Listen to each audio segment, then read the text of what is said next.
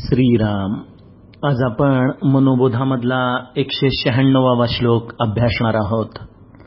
समर्थ माऊली म्हणते नभी वावरे जो अणुरेणु काही रिता ठावया राघवे वीण नाही.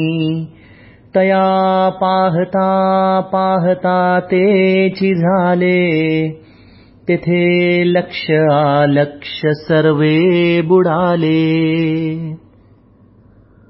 आत्मवस्तूच्या प्राप्तीनंतर एका जीवाच्या अंतरंगात होणारं संपूर्ण स्थित्यंतर मनुष्याचा जीवात जीवातून शिवात आणि शिवामधून आत्मवस्तूपर्यंतचा हा प्रवास समर्थ आता पुढील काही श्लोकांमध्ये आपल्याला सांगणार आहेत.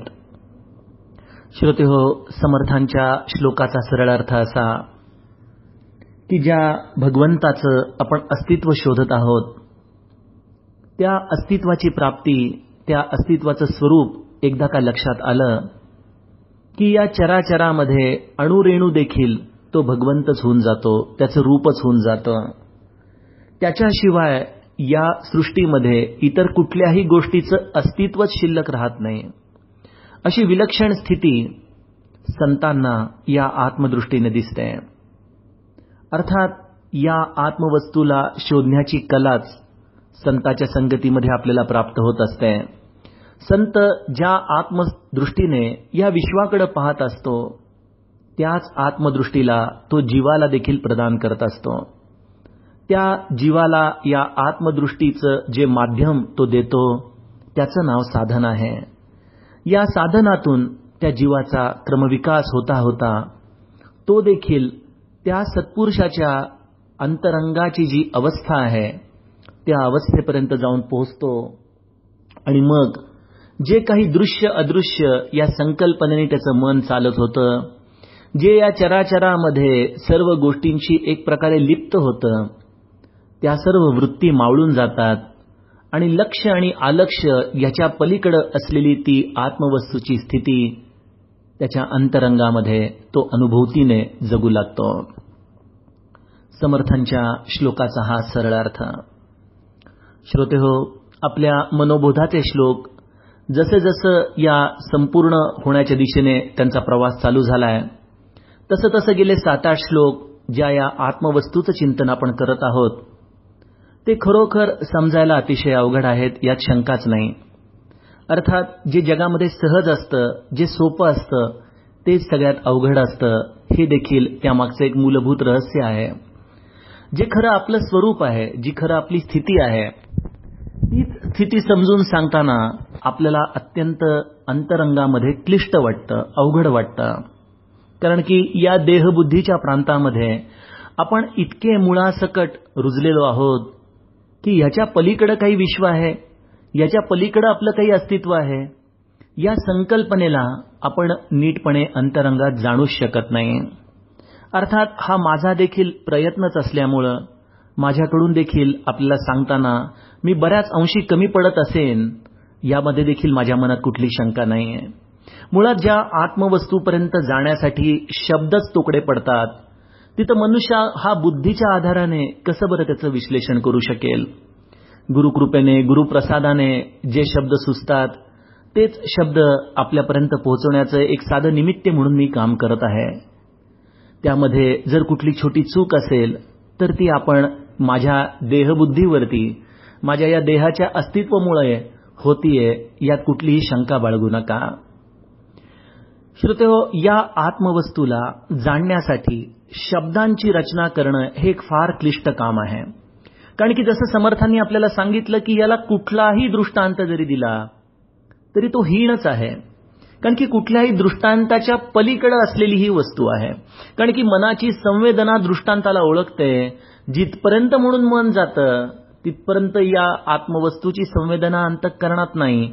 हा साधा फॉर्म्युला असल्यामुळं दृष्टांत देऊन शब्दाच्या आधाराने या आत्मवस्तूला सांगणं हे अत्यंत अवघड काम आहे.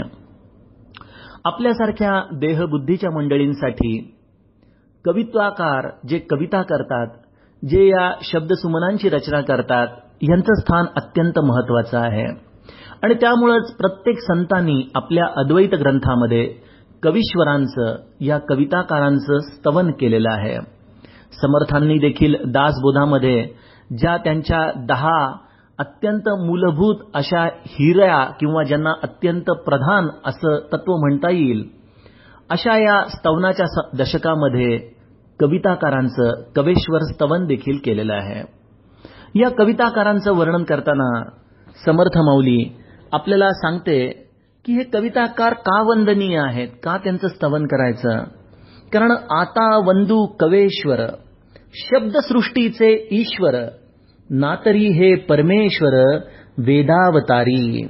आता मी या कवींना नमस्कार करतो कारण कवी हे शब्दसृष्टीवर एखाद्या राजाप्रमाणे सत्ता गाजवतात. कवी म्हणजे वेद रूपाने अवतरलेले परमेश्वरच होय. अशी धारणेने समर्थांनी दासबोधामध्ये कवीश्वरांचं स्तवन केलेलं आहे. या कवीश्वरांचा उल्लेख या श्लोकाच्या आधाराने करण्याचं कारण कारण की त्यांच्याच कृपा आशीर्वादाने ही सरस्वती आपल्या अंतरंगामध्ये शब्द निर्मिती देखील करू शकेल आणि शब्दांची अनुभूती देखील देऊ शकेल.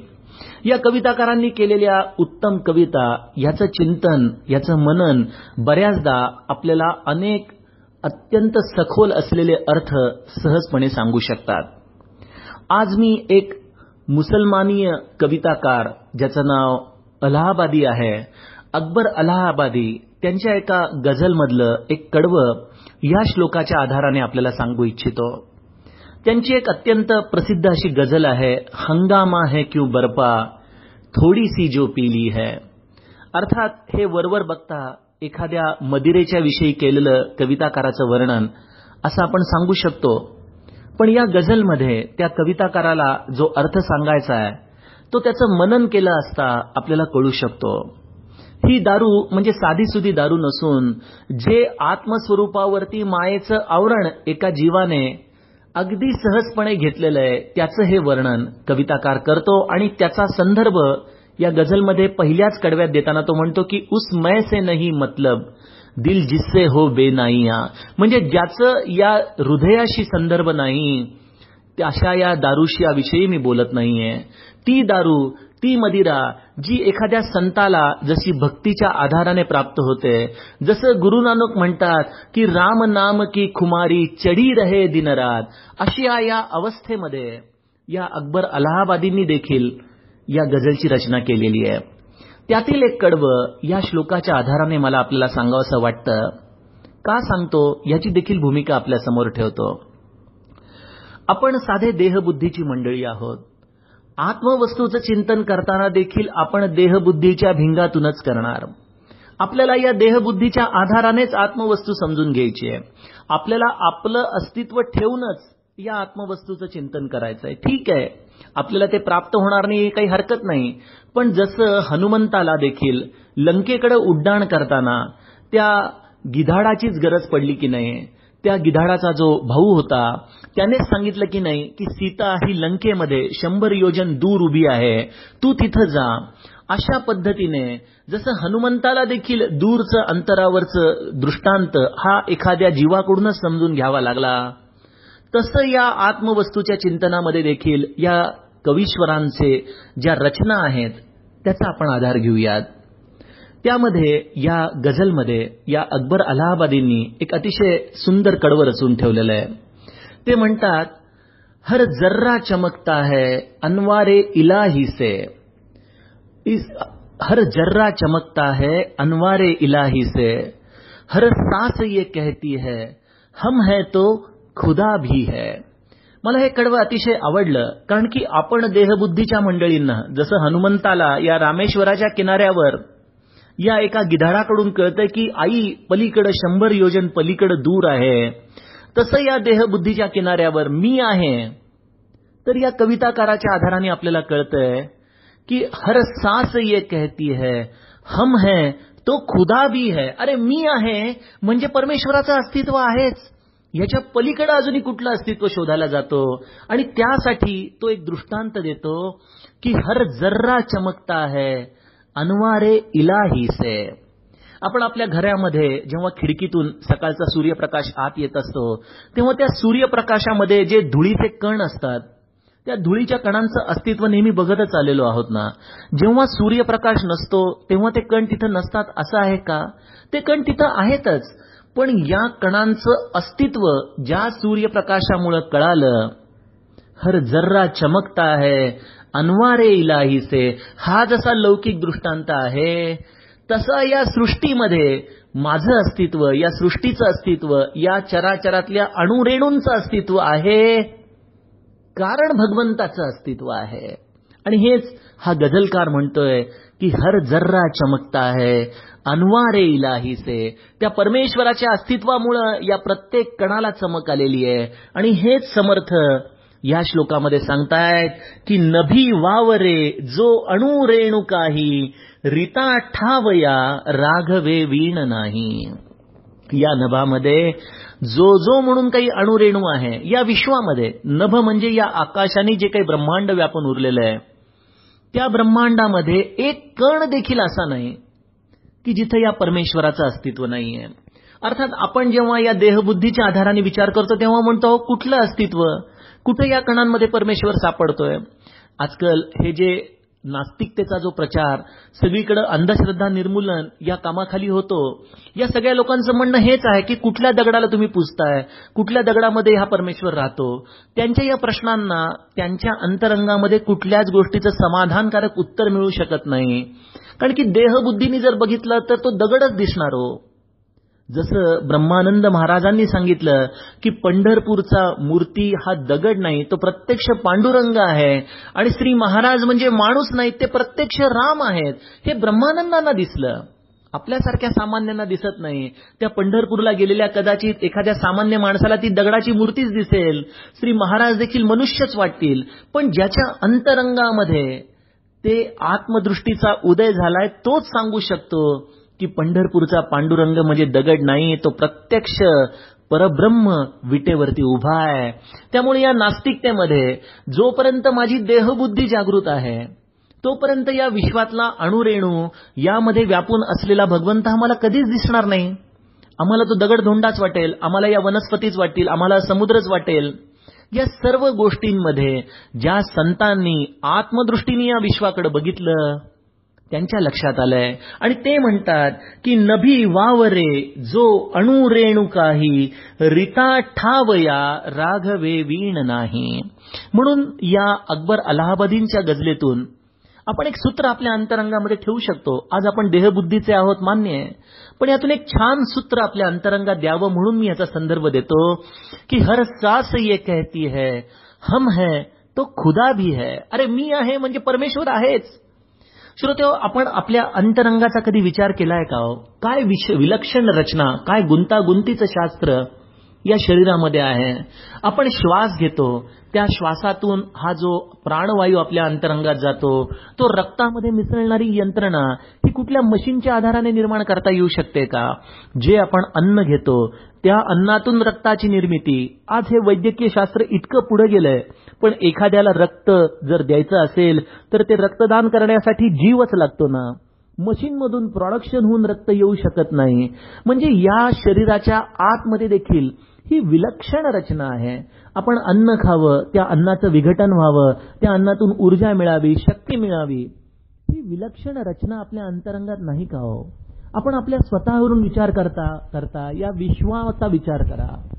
हा सूर्य जो हजारो लक्षावधी किलोमीटर अंतरापासून एका विलक्षण तापमानाने आपल्या भोवती प्रकाश देतोय ज्याच्या ऊर्जेने ही सारी सृष्टी चालतीये.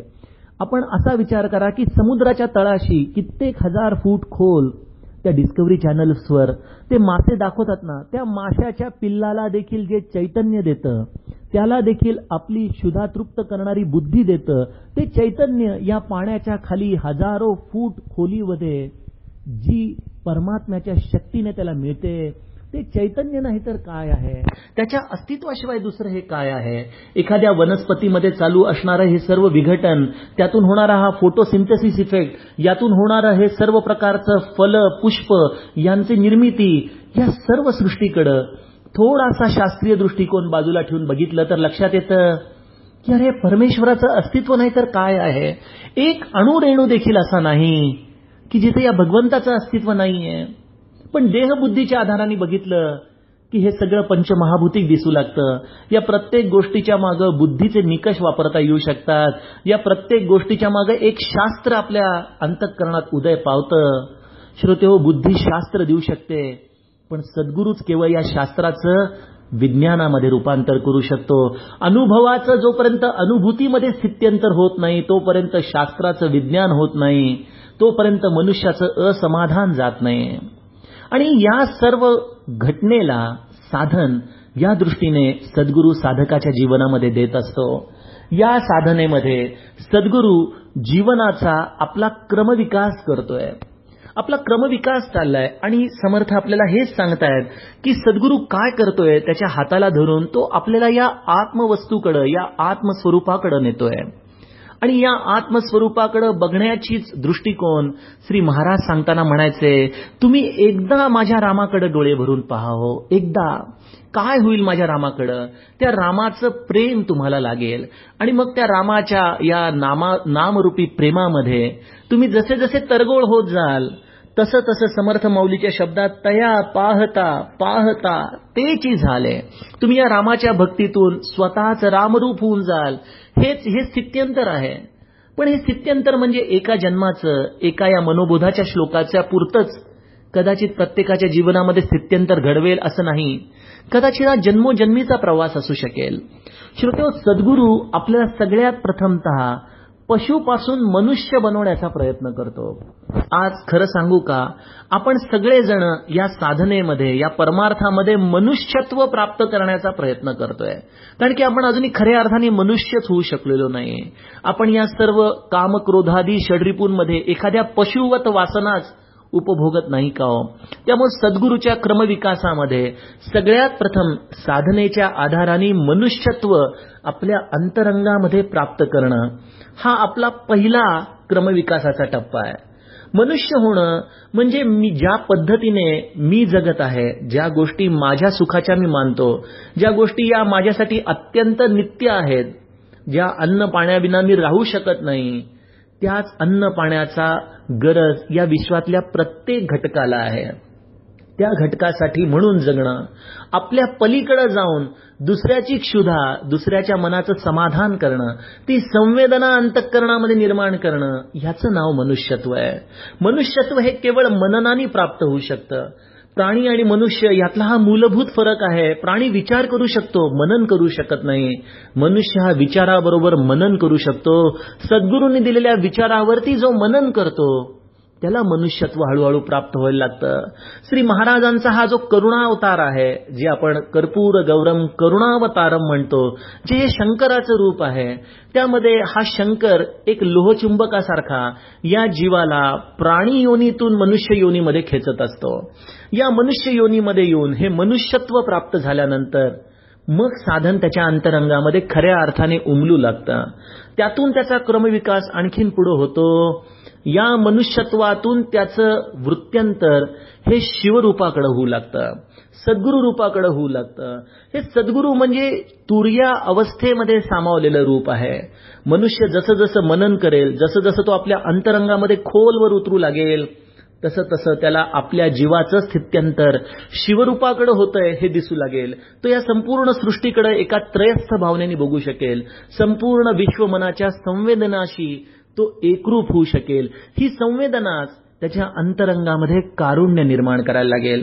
त्यामुळे श्री महाराज म्हणायचे की माझ्यामध्ये व्यावहारिकदृष्ट्या एकच दोष आहे. मी या जगामध्ये कोणाचंही दुःख पाहू शकत नाही. शिवरूप हे करुणावतार आहे. इथं देहबुद्धीचे बंध राहत नाहीत. इथं स्वतःच्या स्वार्थाची आपल्याला एक प्रकारे अपेक्षा राहत नाही. आणि म्हणून महाराज म्हणायचे की स्वतःचा स्वार्थ संपूर्ण जाणल्या जाळल्याशिवाय बुवा होता येत नाही. आपण आपला स्वार्थ जाळायला कधी तयार होत नाही. आणि या स्वार्थाला जाळण्याचं साधन म्हणजे नाम आहे. नाम हा अग्नी आहे. नाम हे विस्तव आहे. आपल्या अंतरंगातली आसक्ती आपल्या अंतरंगातला स्वार्थ तो जाळू लागतो. नामाने पशुतून मनुष्य मनुष्यातून शिव असं सद्गुरू स्थित्यंतर करतो.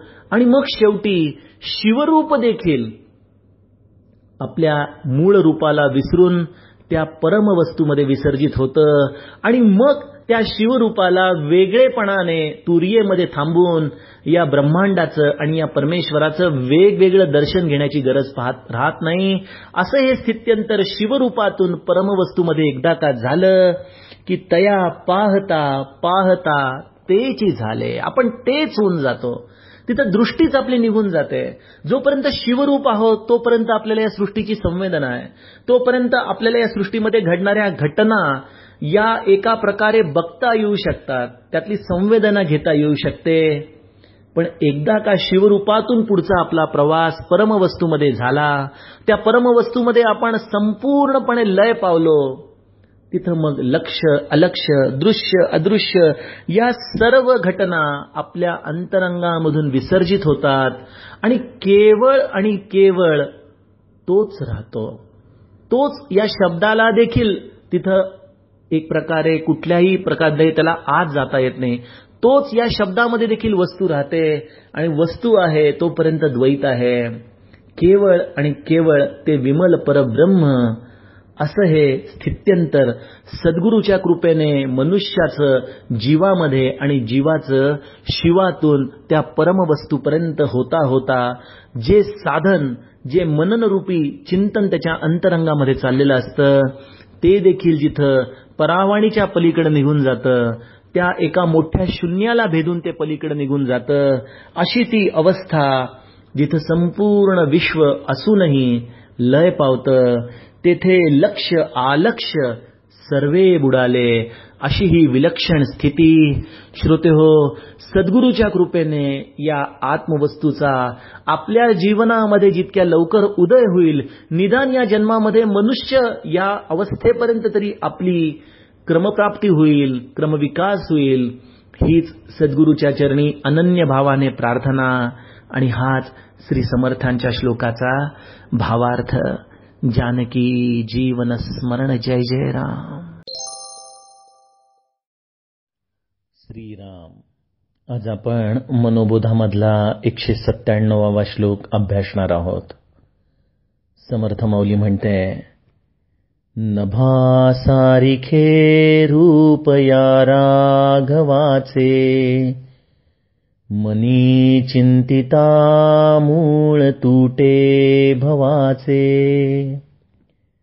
तया पाहता देह बुद्धी उरेना सदा सर्वदार्थ पोटी पुरेना ज्या भगवंताचं रूप पाहता पाहता आपणच ते आत्मस्वरूप होऊन जातो असं या राघवाचं स्वरूप समजून सांगणारा समर्थांचा मनोबोधातला हा श्लोक. श्रोते हो कालच्या श्लोकामध्ये समर्थांनी आपल्याला या राघवाच्या रूपाचं जे या सगुण रूपाचं उपासनेच्या द्वारे तया पाहता पाहता तेची झाले या अवस्थेचं वर्णन सांगितलं होतं. त्यातीलच हा प्रभू रामचंद्रांच्या स्वरूपाचा अंतरंगामध्ये समाधानकारक विश्लेषण करणारा पुढचा मनोबोधातला श्लोक. समर्थ मौलीच्या श्लोकाचा सरळ अर्थ असा की माझा हा राघव माझा हा राम कसा आहे? तर तो आकाशासारखा व्यापक आहे. समर्थांनी इथं नभ हा शब्द त्याच्यासाठी वापरला आहे तो या आकाशासारखा या नभासारखा व्यापक आहे. या भगवंताचं ज्याने स्वरूपचिंतन केलं त्याचं आत्मस्वरूप त्याचं चित्त हे या भगवंतामुळं असं काही विलक्षण स्थित्यंतर करून जातं की त्याच्या अंतरंगामध्ये जे भवाचे भवी काय भीतोस लंडी अशी जी त्याची अवस्था आहे ती अवस्था त्याच्या अंतरंगातून निघून जाते. समर्थ म्हणतात की मनी चिंतिता मूळ तुटे भवाचे. ही जी दृश्य जग जे आपण सत्य मानून त्याच्या एक प्रकारे भीतीच्या सावलीखाली सतत जगत असतो त्या स्थितीतून या जीवाला एक प्रकारे वगळलं जातं. अशा या भगवंताचं चिंतन स्मरण करता करता आपल्या देहबुद्धीला हद्दपार करण्याची कला त्या जीवाला प्राप्त होते.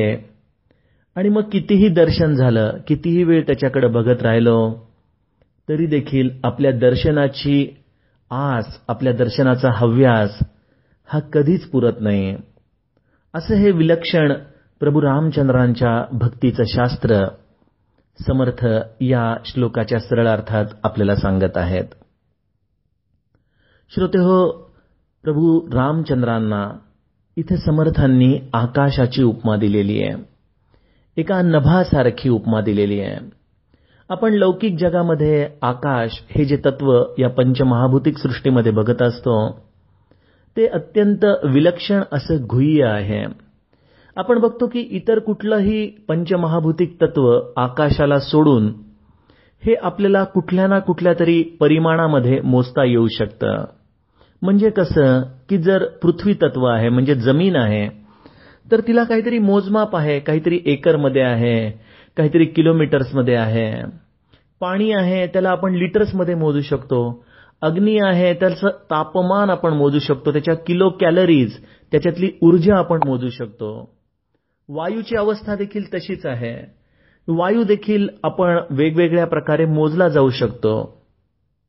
पण हे आकाश नामक जे तत्व आहे ज्याला सर्व दिशांनी व्यापकता मिळालेली आहे ते व्यापक तर आहेच पण त्याचबरोबर अत्यंत सूक्ष्म देखील आहे. आपल्याला त्या समर्थांच्या जीवनातला प्रसंग आठवत असेलच की जेव्हा सामानगडावरती शिवाजी महाराजांच्या आधिपत्याखाली किल्ल्याचं काम चाललं होतं आणि जेव्हा दुपारी जेवणाची वेळ झाली आणि शिवाजी महाराजांनी नजर टाकली की अनेक मजदूर त्यावेळेला जेवायला बसले होते. हळूच कुठेतरी अंतरंगामध्ये एक अहंकाराची झुळूक येऊन गेली की इतक्या साऱ्या लोकांचा मी पोशिंदा आहे. असा हा छोटासा अहंकाराचा वायू अंतःकरणातून जायला काय? आणि त्याच वेळेला माग सद्गुरू आपल्या या शिष्यातलं अंतरंगाचे तण दूर करण्यासाठी म्हणून प्रगटावेत काय? प्रभूंना बघताच शिवाजी महाराज समर्थांच्या चरणी लीन झाले. समर्थांनी इकडची तिकडची चौकशी केली आणि तेवढ्यात त्यांच्याशी चर्चा करता करता ते एका दगडफोड्याच्या कामाजवळ गेले. शिवाजी महाराज देखील आपल्या सद्गुरूंबरोबर त्या दगडाच्या जवळ जो मनुष्य काम करत होता त्याचं काम बघू लागलंय.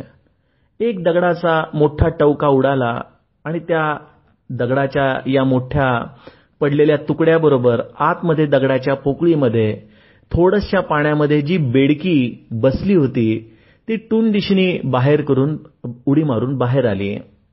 यावरती समर्थांनी त्याला विचारलं की ही बेडूक देखील या राजांच्या कृपेनेच या दगडामध्ये राहतोय ना? असं म्हणता क्षणी शिवाजी महाराजांना आपल्या चुकीचं एक प्रकारे आपल्या अंतःकरणात आलेल्या अहंकाराचं लगेचच ती चूक त्यांच्या अंतःकरणात लक्षात आली आणि त्यांनी समर्थांचे पाय धरले. श्रोतो ही कथा आपल्याला सगळ्यांना माहिती आहेच. या कथेमधून शिवाजी महाराजांचा तर उद्धार करायचा आहेच यामध्ये काही शंका नाहीच. पण त्याचबरोबर ज्या समर्थांनी या दगडाच्या पोकळीमध्ये जी ही बेडकी राहत होती तिच्या जीवन अस्तित्वाच्या आधाराने हे आकाश तत्वच आपल्याला समजावून सांगितलेलं ना.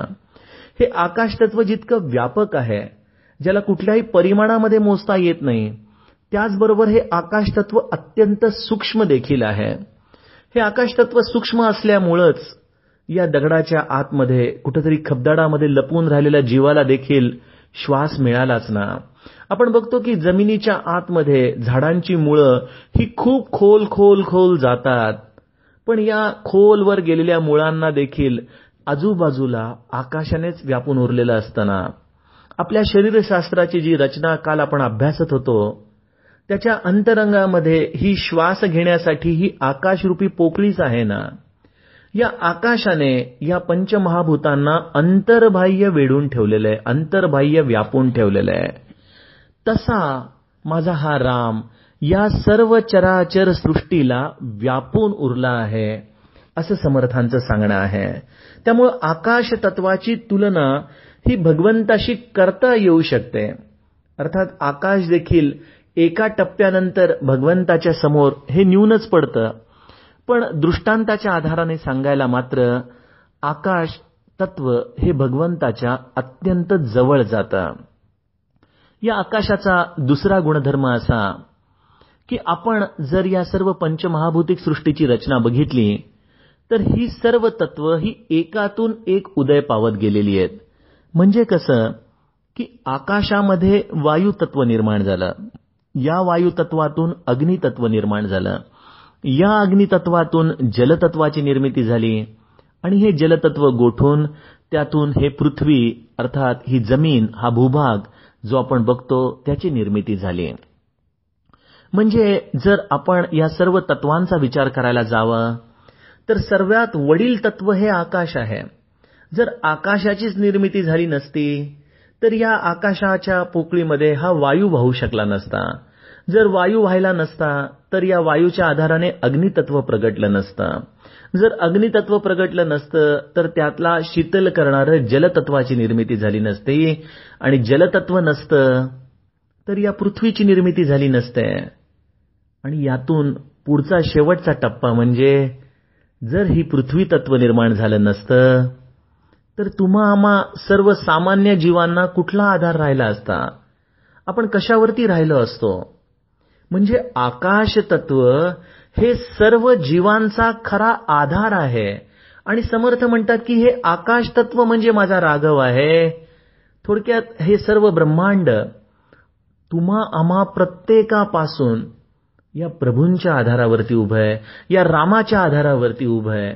असं हे आकाश तत्व याचं पंचमहाभूतिक अवस्थेमधलं हे वर्णन आपण अभ्यासत आहोत. दुसरा टप्पा असा आहे की आकाश तत्वामध्ये वायूची निर्मिती झाली वायू हे सर्व सृष्टीचं जीवन आहे. वायूचा अर्थ पवनपुत्र देखील आहे. म्हणजे आकाश जर राम झालं तर आकाशाच्या पोटामध्ये निर्माण झालेला हा सद्गुरुरूपी मारुती म्हणजे वायू आहे. या वायूचं जे मूळ स्वरूप आहे ते अग्निरूपी नाम आहे. या नामाने अंतःकरणामध्ये निर्माण होणारं समाधानकारक रूपी जल आहे. आणि या समाधानकारक रूपी गोष्टीने आपल्या चित्ताच्या पोकळीमध्ये त्या प्रभूंचं स्वरूप निर्माण करणारा असा चित्तरूपी हे पृथ्वी तत्व आहे. म्हणजे या तत्वांना जर अदृश्य स्थितीमध्ये अभ्यासायचं झालं तर आकाश म्हणजे राम तर वायू म्हणजे हनुमंत. जर वायू म्हणजे हनुमंत तर नाम म्हणजे अग्नितत्व. आणि नाम म्हणजे अग्नितत्व तर समाधान हे जलतत्व. आणि समाधान हे जलतत्व तर चित्ताची शुद्धता हे पृथ्वी तत्व आहे. आकाशाच्या आधारानेच या सर्व तत्वांचा उदय आहे. आकाशामध्ये जर वायू व्हायला नसता तर या सृष्टीचा कणभर देखील विकास होऊ शकला नसता. या वायूच्या आधाराने सर्व जीवन आहे. या वायूच्या आधाराने सर्व चैतन्य आहे. पण या वायूला आकाशाची पोकळी आहे. त्यामुळे श्रोते हो राम हा या सर्व सृष्टीचा आधार आहे. या सर्व सृष्टीच्या जीवनाचा आधार आहे. या सर्व चैतन्याचा आधार असा आपला राम आहे. हे देखील या आकाश तत्वाच्या उदाहरणावरून आपल्याला कळू शकतं. थोडासा भावार्थाचा भाग बघूयात. भावार्थाचा भाग असा आहे की आकाश हे जर सर्व व्यापक आहे माझ्या सर्व स्थितींमध्ये मला अंतर्बाह्य ते व्यापून उरलेलं आहे. आणि आकाश तत्व जर माझा राम आहे तर माझ्या कुठल्या देहाच्या स्थितीमध्ये माझा राम माझ्यापासून लांब आहे? तो सतत माझ्याबरोबर आहे. सतत तो माझ्या अवतीभोवती घुटमळत आहे माझ्या अंतर्बाह्य घुटमळत आहे.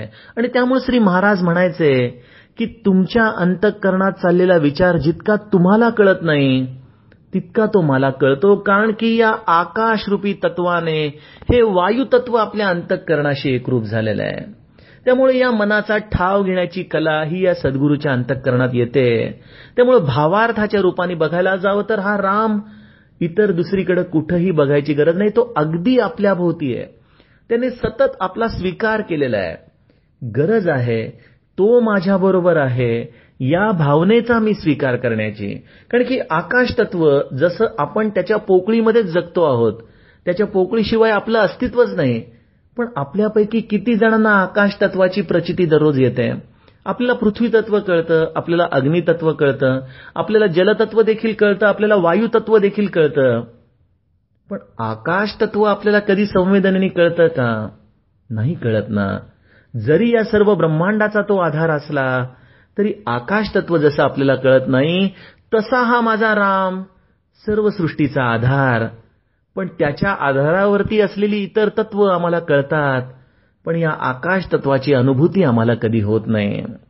दुसरा भावार्थाचा भाग असा की सर्व सृष्टीला जर या चार तत्वांना या आकाशाच्या पोकळीत निर्माण मिळालेला आहे तर जसं आईच्या गर्भामध्ये एखाद्या बालकाची वाढ व्हावी तसं या आकाश तत्वामध्ये हे ब्रह्मांड सगळं भरलेलं आहे. त्यामुळं राम हा आपली आई आहे राघव ही आपली आई आहे. त्याच्या कुशीमध्ये ही सर्व पंचतत्व निर्माण झाली. त्या पंचतत्वांचा एक भाग म्हणजे मी. जसं आई आपल्या लेकराला नेहमी कुशीमध्ये अगदी छातीशी धरून ठेवते त्याच्या कुठलीही झालेली चूक जरी असली तरी पोटामध्ये घेते. त्याचं कल्याणाचंच अखंड चिंतन करते. त्याच्यावरती नेहमी आपल्या मायेचं पांघरून घालते. तसं या आकाशरूपी राघवाने तुम्हा आम्हा प्रत्येकावरती त्याच्या ममत्वाचं पांघरून घातलंय. सदैव आपल्या कल्याणाचीच अपेक्षेने त्याने तुम्हा आम्हाला सांभाळलेलं आहे सदैव त्यांनी आपल्याला त्याच्या पोटाशी धरलेलं आहे म्हणून त्याला करुणा निधान असं नाव दिलेलं आहे.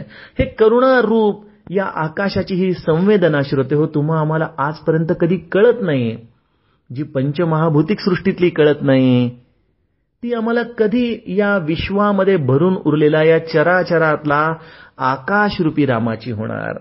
त्यामुळे भावार्थाच्या रूपाने बघावं तर या रामाशिवाय आपलं खरंच अस्तित्व नाही पण या रामाचं अस्तित्व आम्हाला जाणवत नाही काय करावं याला? त्याचं जर आपण चिंतन केलं तर समर्थ म्हणतात की मनी चिंतिता मूळ तुटे भवाचे. कारण की या सर्व गोष्टींचा जर आधार तो आहे त्याच्याशिवाय या सृष्टीची निर्मितीच नाही. त्याच्याशिवाय या सृष्टीमधला कुठलाही कारभार नाही. हे जर माझ्या अंतःकरणामध्ये पक्क पटलं त्याच्या आधारावर ही सगळी सृष्टी आहे.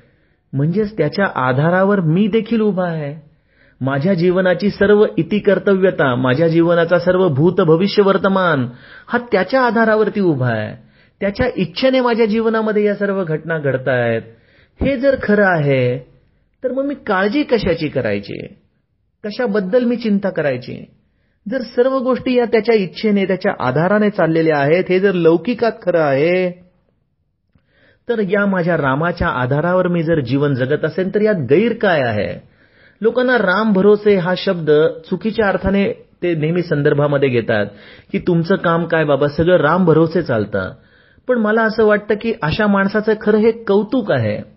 आपण व्यवहारामध्ये ही एखादी टीका म्हणून हा शब्द वापरतो पण हे खरं त्याच्या अर्थाने कौतुक आहे कारण की त्याला सत्य कळालंय की संपूर्ण सृष्टीचा विकास संपूर्ण सृष्टीचा क्रम हा या भगवंताच्या आधारावर या त्याच्या भरोशावरती चाललेला असतो. आणि आपला हा भरोसा अजूनही दृढ नाही. त्यामुळे आपल्याला भ्रांत लागते त्यामुळे आपल्याला काळजी लागते. पण ज्याला हे सत्य पटलं की या रामाशिवाय मी नाही या रामाच्या भरोशावर मी आहे त्याच्या जीवनामधली मात्र भीती संपून गेली. त्याच्या जीवनातलं सर्व भयच संपून गेलं. त्याच्या जीवनातली काळजी संपून गेली. पण ही काळजी श्रोते हो, खरंच आपल्या जीवनातली संपते का? हा प्रश्न आहे. या जीवनामध्ये आपण ज्या या दृश्य विश्वाशी जोडले गेलेलो आहोत या दृश्य विश्वाशी जे आपण लिप्त झालेलो आहोत या दृश्य विश्वाचं आणि आपल्या मनाचं एक नातं आहे. त्या नात्याचं नाव भान असं आहे. आपल्याला या सर्व दृश्य विश्वाचं भान राहतं बघा. आपण बघतो ना सूर्योदय झाला त्याचं आपल्याला भान येतं. दुपारची वेळ झाली जेवणाची वेळ झाली आपल्याला त्याचं भान राहतं. संध्याकाळची वेळ झाली अजूनही कुठली नित्यकर्म करायची आहेत त्याचं आपल्याला भान राहतं. ही भान नावाची जी स्थिती आहे त्या भान नावाच्या स्थितीमुळं आपल्या जीवनामध्ये आपल्याला त्या भगवंताचं जी संवेदना आहे ती नेहमी आपल्या आयुष्यामध्ये सचेतन राहत नाही. का मी हा भान शब्द वापरतोय सांगू का? समर्थ जसं भुजंग प्रयासामध्ये या मनोबोधाची रचना करतात त्यामध्ये प्रत्येक शब्दामध्ये खुबी आहे बघा. नभासारिखे रूप या राघवाचे. इतकं या भगवंताचं रूप शाश्वत आहे. आकाशासारखं अगदी आपल्याला सर्व बाजूने व्यापून उरलंय. पण आपल्याला अजूनही ते कळत नाही. का बरं? कारण नभा या शब्दाची संवेदना आपल्या जीवनात नाही. कारण की या नभा शब्दाला उलट करा. तो शब्द होतो भान. आपण नेहमी भान या स्थितीमध्ये जगतो. त्यामुळे आपल्या दृश्य विश्वाची संवेदना आहे. पण या नभासारखी जी भानाची उलटी अवस्था आहे ती आपल्याला काही केल्या कळत नाही जी पाहण्याची दृष्टी समर्थ आपल्याला सांगतात समर्थ मौलींचा एक अभंग आहे. त्यामध्ये ते म्हणतात ध्यान करू जाता भान हरपले. सगुण जाहले गुणातीत. ही अवस्था काय आहे? ध्यान करू जाता भान हरपले. आपलं जेव्हा भान हरपेल या दृश्य जगाशी असलेला आपला संबंध तुटेल तो कशाने तुटेल? ध्यानातून तुटेल. त्या भगवंताचं जितकं निधिध्यास त्याचं अखंड अनुसंधान त्याच्यावरती अपार प्रेम जेव्हा आपल्या अंतःकरणात निर्माण होईल तेव्हा ही भानस्थिती संपेल तेव्हा हा नभासारखा राम प्रगटेल. आणि हे समर्थित सांगताना म्हणतात ध्यान करू जाता भान हरपले. आणि या भगवंताचं जे नभासारखं स्वरूप आहे ज्याच्यासाठी भान हरपलं पाहिजे ते भान हरपण्यासाठी त्याचं ध्यान लागलं पाहिजे. आणि हे ध्यान ज्याचं लागतं तया पाहता देह बुद्धी उरेना आपलं ध्यान लागत नाही आपल्याला त्या भगवंताचं प्रेम लागत नाही. कारण की त्या भगवंतापेक्षा काकणभर अधिक प्रेम असलेली आपली देहबुद्धी ही अखंड जागृत राहते. आपण आपल्या स्वतःवरती जितकं प्रेम करतो त्याच्यापेक्षा कितीही जरी आपली भक्ती श्रेष्ठ असली तरी आपलं प्रेम त्या रामावरती त्याच्यापेक्षा कमी राहतं. आणि श्रोते हो आजपर्यंत इतिहास सर्व गोष्टींना साक्ष आहे की भगवंतावरती ज्यांनी आपल्या देहापेक्षा अधिक प्रेम केलं त्यांच्या झोपडीमध्ये त्यांच्या अंतःकरणामध्ये राम हा स्वतःहून प्रगटलेला आहे. शबरीने काय केलं? आपल्या देहापेक्षा अधिक रामावरती प्रेम केलं. अगदी आपल्या शरीराचं कमान झाली तरी दररोज आपल्या रामासाठी फळं तोडायची त्याच्यासाठी सर्व पूजेचं साहित्य एकत्र करायचं माझा राम येणार आहे माझ्या सद्गुरूंनी सांगितलंय माझा राम येणार आहे. असं देहाच्या सर्व अवस्थांमध्ये अत्यंत तळमळून त्या रामाची वाट पाहायची. आणि या देहबुद्धीच्या पलीकडे प्रेम गेलं आपल्या पलीकडे जेव्हा प्रेम गेलं तेव्हा तो राम त्या शबरीच्या आश्रमात आला. श्रोते हो आपलं प्रेम आपल्यापेक्षा रामावरती जेव्हा वाढेल तेव्हा या देहबुद्धीचा अंत होईल. त्यासाठी याचं ध्यान लागलं पाहिजे. ही ध्यानाचीच अवस्था म्हणजेच त्याच्या नामाच्या प्रेमाची अवस्था. एक दिवशी आमच्या जीवनातली ही देहबुद्धी संपून टाकेल आणि ज्या क्षणी देहबुद्धी संपेल त्या क्षणी तो आपल्या या आश्रमाच्या दरवाजामध्ये येऊन उभा राहील. आणि असा येऊन उभा राहील की कितीही काळ त्याला बघा कितीही बघत राहा त्याचं स्मितहास्य थांबणार नाही त्याची कृपा थांबणार नाही त्याची करुणा आपल्या अंतरंगात थांबणार नाही त्याचं आपल्यावरचं ममत्व थांबणार नाही. तो केवळ आणि केवळ आपल्या प्रेमापोटी आपल्या अंतःकरणाच्या या आश्रमामध्ये येऊन थांबेल आणि म्हणेल बघ माझीच वाट बघत होता ना मी केवळ तुझ्यासाठी आलोय. किती काळ पाहिजे तितक्या काळ माझं तू दर्शन घे. तुझ्या दर्शनाची इच्छा जोपर्यंत तृप्त होत नाही तोपर्यंत मी या तुझ्या आश्रमातून तुझ्या या अंतःकरणातून बाळा कुठंही जाणार नाही. अशी या प्रभू रामचंद्रांच्या कृपा आशीर्वादाची खूण की जी या सगुण रूपाचं दर्शन घेण्याची आपली इच्छा कधीच पूर्ण करत नाही पण प्रभू रामचंद्र मात्र आपल्या दृष्टीसमोर कधीच हलत नाही. अशी ही विलक्षण अवस्था. समर्थ म्हणतात की ज्याने आपल्यापेक्षा जास्त रामावरती प्रेम केलं त्याला रामाने काय दिलं? सदा सर्वदा आर्त पोटी पुरेना. तो आला भेटला आणि निघून गेला. असा तो राम कधीच नव्हता. तो तिथंच स्थितप्रज्ञासारखा उभा राहिला. जसं नाथांच्या पैठणला तो विजय पांडुरंगाने लोणी घेण्यासाठी हात पुढे केला. पण जेव्हा नाथांचं लक्ष गेलं तेव्हा त्या हातावरच्या ओशटपणा सकट हात पुढं करून तो पांडुरंग ओशाळलेल्या स्थितीमध्ये जसा आजही उभा आहे पाचशे वर्षानंतरही उभा आहे. तो या भक्ताच्या प्रेमापोटी उभा आहे. तसा तो राम. ज्याची देहबुद्धी संपली जो स्वतःच्या देहबुद्धीला ध्यानामध्ये हरवून बसला ज्याचं ध्यानामुळं भान हरपलं ते ज्याचं भान हरपलं त्याला हा नभासारखा राघव सर्व व्याजूने व्यापून उरतो आणि ज्याला या राघवाने सर्व व्याजूने व्यापून उरलं त्याची अवस्था काय होते? रामदासांच्याच भाषेमध्ये सांगावं तर रामदास म्हणे की सगळीकडं तोच भरून उरलाय. जेथे पाहो तेथे राघवाचे ठाण करी चाप बाण शोभत असे. अशी ही विलक्षण स्थिती असं हे विलक्षण प्रभूचं रूप सर्वत्र भरून उरतं श्रोते हो. असं हे आपल्या राघवाचं स्वरूप प्रत्येकाने आपल्या अंतःकरणात जाणावं. आज आपली दोन तीन मिनिटं जास्त घेतली आपली क्षमा मागतो. पण प्रभू रामावरचं हे प्रेम आपल्या हृदयात काकणभर वाढावं यासाठीच ही सर्व शब्दांची रचना. जानकी जीवन स्मरण जय जय राम. श्रीराम. आज आपण मनोबोधामधला एकशे अठ्ठ्याण्णवावा श्लोक अभ्यासणार आहोत.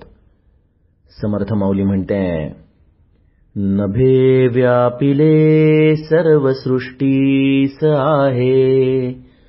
रघुनायका साहे।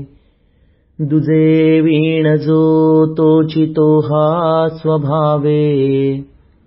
तया व्यापकू व्यर्थ कैसे म्हणावे मनोबोधाच्या या श्लोकांच्या आधारे भगवंताचं जे मूळ रूप आहे जी ही आत्मवस्तू आहे त्याचं चिंतन या पंचमहाभूतिक सृष्टीच्या आधाराने समर्थ आपल्याला समजावून सांगताना आकाश या तत्वाचा आधार घेत प्रभू रामचंद्रांचं आपल्या अंतरंगातल्या आत्मारामाचं स्वरूप आपल्याला समजावून सांगत आहेत. कालच्या श्लोकात समर्थांनी प्रभू रामचंद्राचं रूप हे आकाशाच्या निकट आहे आकाशाच्या अत्यंत समीप आहे.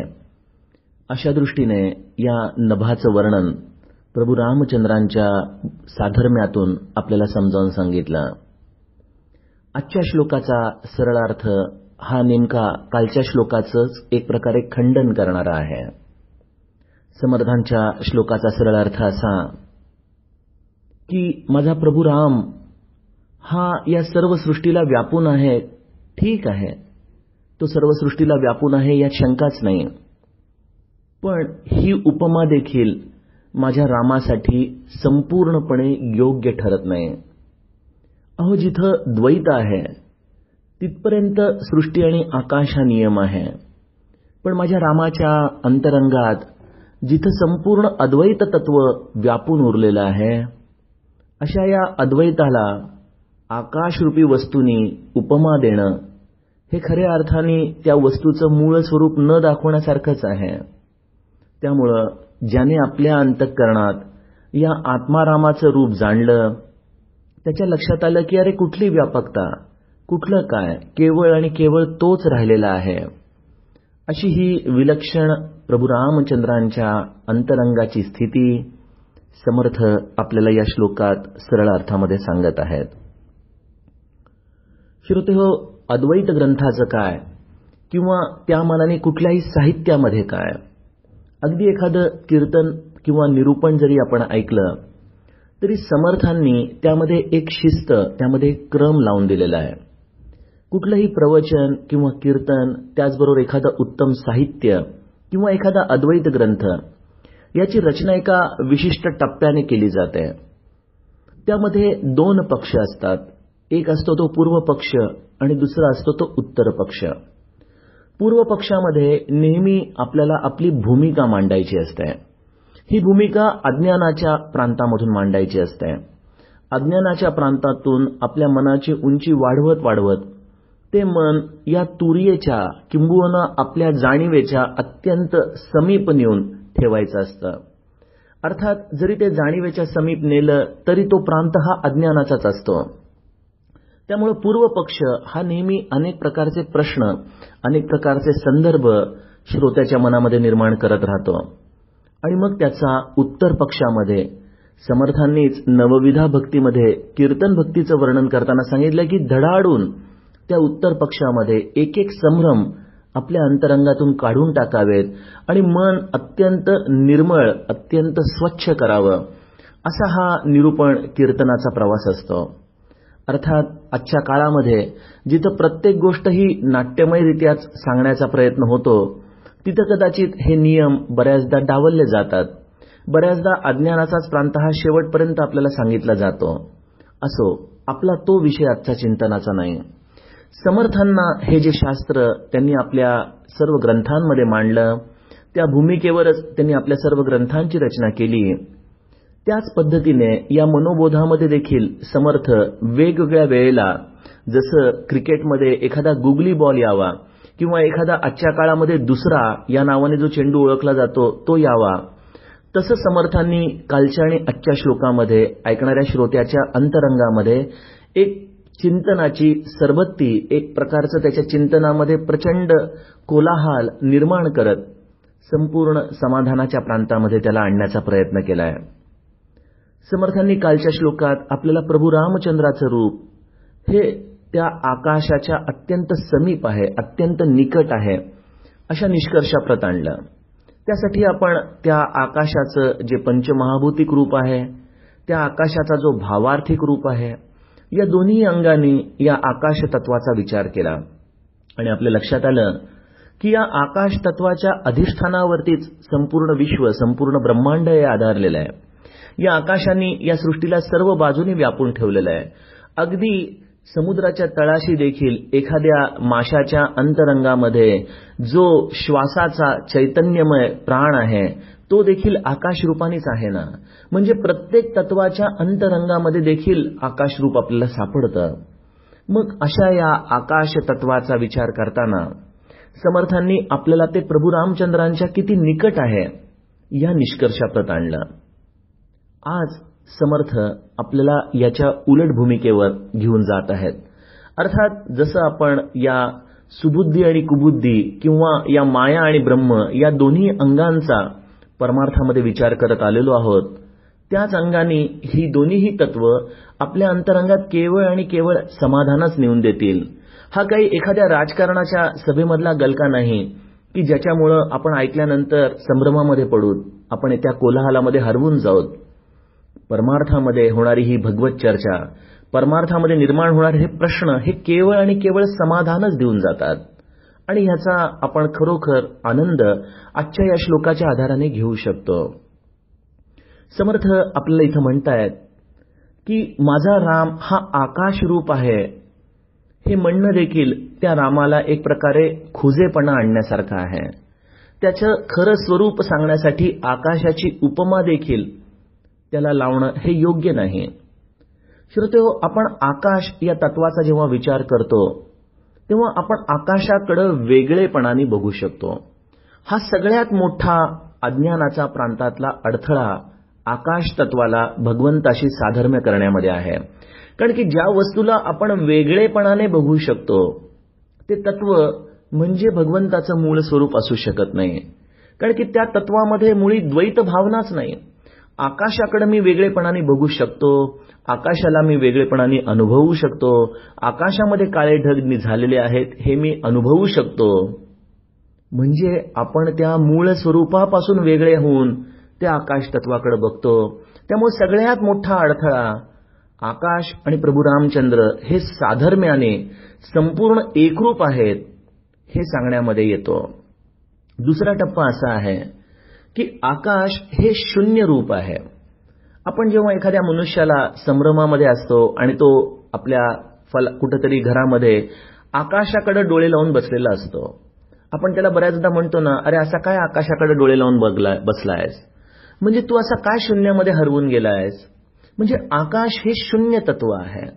जेव्हा मनुष्याला कुठलीही गोष्ट सुचेनासी होते जेव्हा तो बऱ्याचदा व्यथित होतो तेव्हा तो आकाशाकडे डोळे लावतो. या आकाशाकडे डोळे लावण्यामध्ये त्याच्या जीवनामध्ये नैराश्य असतं दुःख असतं. याचं कारण आकाश हे शून्य रूप आहे. आकाश हे शून्य रूप आहे याचा परमार्थामधला तत्वाच्या आधाराने अर्थ असा आहे की आकाश हे अज्ञान रूप आहे. अज्ञान रूप आकाश या शून्यवत आकाशाकडे मनुष्याने जेव्हा डोळे लावलेले असतात तेव्हा त्याच्या अंतरंगामध्ये साधारणतः दुःख नैराश्य याचीच संवेदना त्याला अनुभवला येत असते. पण माझा राम हा केवळ आणि केवळ ज्ञानरूप आहे. तो शून्य रूपाला भेदून पलीकडे गेलेला आहे. तो शून्य रूपाला भेदून पलीकडे गेला असल्यामुळं तो या अज्ञानाच्या कुठल्याही प्रांताच्या पलीकडे आहे. शास्त्र त्याचं रूप हे सच्चिदानंद रूप असं सांगतं. या सच्चिदानंद स्वरूपाचा खरा अर्थ सत अधिक चित अधिक आनंद म्हणजे जो शाश्वत सत्य आनंद स्वरूप आहे असा माझा राम आहे. म्हणजे आकाशाकडे डोळे लावणारा मनुष्याला नैराश्य आहे दुःख आहे. पण माझ्या रामाचं चिंतन हे केवळ आनंदमय आहे. शाश्वत आनंद देणारं असं माझं राम आहे. त्यामुळं राम हा ज्ञानवंत प्रांतामध्ये येतो तर आकाश हे अज्ञानाच्या प्रांतामध्ये येतं. जिथं शून्य आहे तिथं संवेदनशीलतेचा अभाव आहे. आपण बघतो की आकाशामध्ये अनेक प्रकारच्या घटना घडत असतात. या आकाशामध्ये घडणाऱ्या घटनांचा आकाशाशी कुठलाही संबंध नसतो.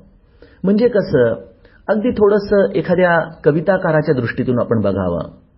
आकाशामध्ये बऱ्याचदा काळे ढग दाटून येतात. हे काळे ढग दाटून येतात आणि बऱ्याचदा कोसळून खाली देखील पडतात. कोसळून खाली पडले तरी देखील आकाश कुठल्याही संवेदनाने लिप्त होत नाही. ढग जमले काय तरी आकाशाला काही फरक पडत नाही. ढग बरसले काय तरी आकाशाला काही फरक पडत नाही. या आकाशामध्ये सूर्याच्या उष्णतेचा जो वाहक वायू आहे तो बऱ्याचदा उष्णता निर्माण करतो. पण आकाशाला या उष्णतेचा देखील कुठल्याही प्रकारचा संदर्भ नसतो. या उष्णतेचं परमोच्च बिंदू म्हणजे आकाशामध्ये बऱ्याचदा वीज कडाडते. या विजा कडाडून जातात तरी देखील आकाश शांतपणे या विजांकडेच बघत असतं. म्हणजे आकाश हे जे शून्य रूप आहे ते असंवेदनशील आहे. त्याच्यामध्ये घडणाऱ्या कुठल्याही घटनेशी तो लिप्त नाहीये. त्या कुठल्याही घटनेची संवेदनशीलता त्याच्याकडे नाहीये. पण माझा राम कसा आहे? माझा राम हा करुणानिधान आहे. करुणानिधान म्हणजे श्री महाराजांच्या अगदी शब्दात सांगायला जावं तर माझ्यामध्ये व्यावहारिक दृष्ट्या केवळ एकच दोष आहे. मला तुमचं दुःख पाहवत नाही दुःख पाहवत नाही म्हणजे श्रोते हो जो मनुष्य अत्यंत दुश्चित्त अंतकरणाने रामाजवळ येतो त्याच्या दुःखाशी माझा राम तद्रूप होऊन जातो. त्याच्या दुःखाची संवेदनशीलता त्याच्या अंतकरणामध्ये तो जाणवू शकतो. आकाशामध्ये कित्येकदा काळे मेघ दाटून येतात म्हणजे ह्या प्रकृतीचे अश्रूच येतात ना हो. ही प्रकृती देखील रडतच असते ना बऱ्याचदा. पण आकाशाला या अश्रूंची काही किंमत आहे का? या उलट माझे महाराज म्हणतात की आपण आपल्या रामाला असं काही अळवावं की आळवता आळवता आपल्या डोळ्यात पाणी यावं. आणि आपल्या डोळ्यात पाणी आलं की रामाच्या डोळ्यामध्ये पाणी येतं. ही जाणीव आहे ही संवेदनशीलता आहे. हा गणपती आहे. या गणपतीच्या जाणीवेच्या आधारावरती या मूलाधार स्थितोस नित्यम अशा या अवस्थेमध्ये माझा राम आहे. त्यामुळे तिथं असंवेदनशीलता नाही. त्याच्याकडे आलेल्या दुःखी जीवाच्या अंतरंगावरती आनंदरूपी फुंकर घालतो तो राम आहे. तो आकाशासारखा स्थितप्रज्ञ राहत नाही. तो आकाशासारखा असंवेदनशील राहत नाही. आपल्या अंतरंगामध्ये बऱ्याचदा रागाच्या विजांचा कडकडाट होतो. आपल्याला क्रोध येतो. पण असा क्रोध आला तरी आकाश मात्र त्याच्यापासून दोन हात लांबच राहतं. ते म्हणतात तुला काय बडबडायचं असेल ते बडबड. तुला जे काही कडकड करायची असेल ती कर. माझा त्याच्याशी संबंध नाही. पण माझा राम जेव्हा कैकईने रामाला वनवासात जाण्याचं सांगितलं तेव्हा रामाला जेव्हा आतमध्ये बोलवण्यात आलं सुमंत्र रामाला आतमध्ये दशरथाकडे घेऊन गेला. दशरथ खाली जमिनीवरती पहुडलेला होता. अत्यंत दुश्चित्त असं त्याचं अंतःकरण झालं होतं. कैकई संतापाने फुटकार टाकत बसली होती. आणि प्रभू रामचंद्र हात जोडून आईसमोर उभे होते.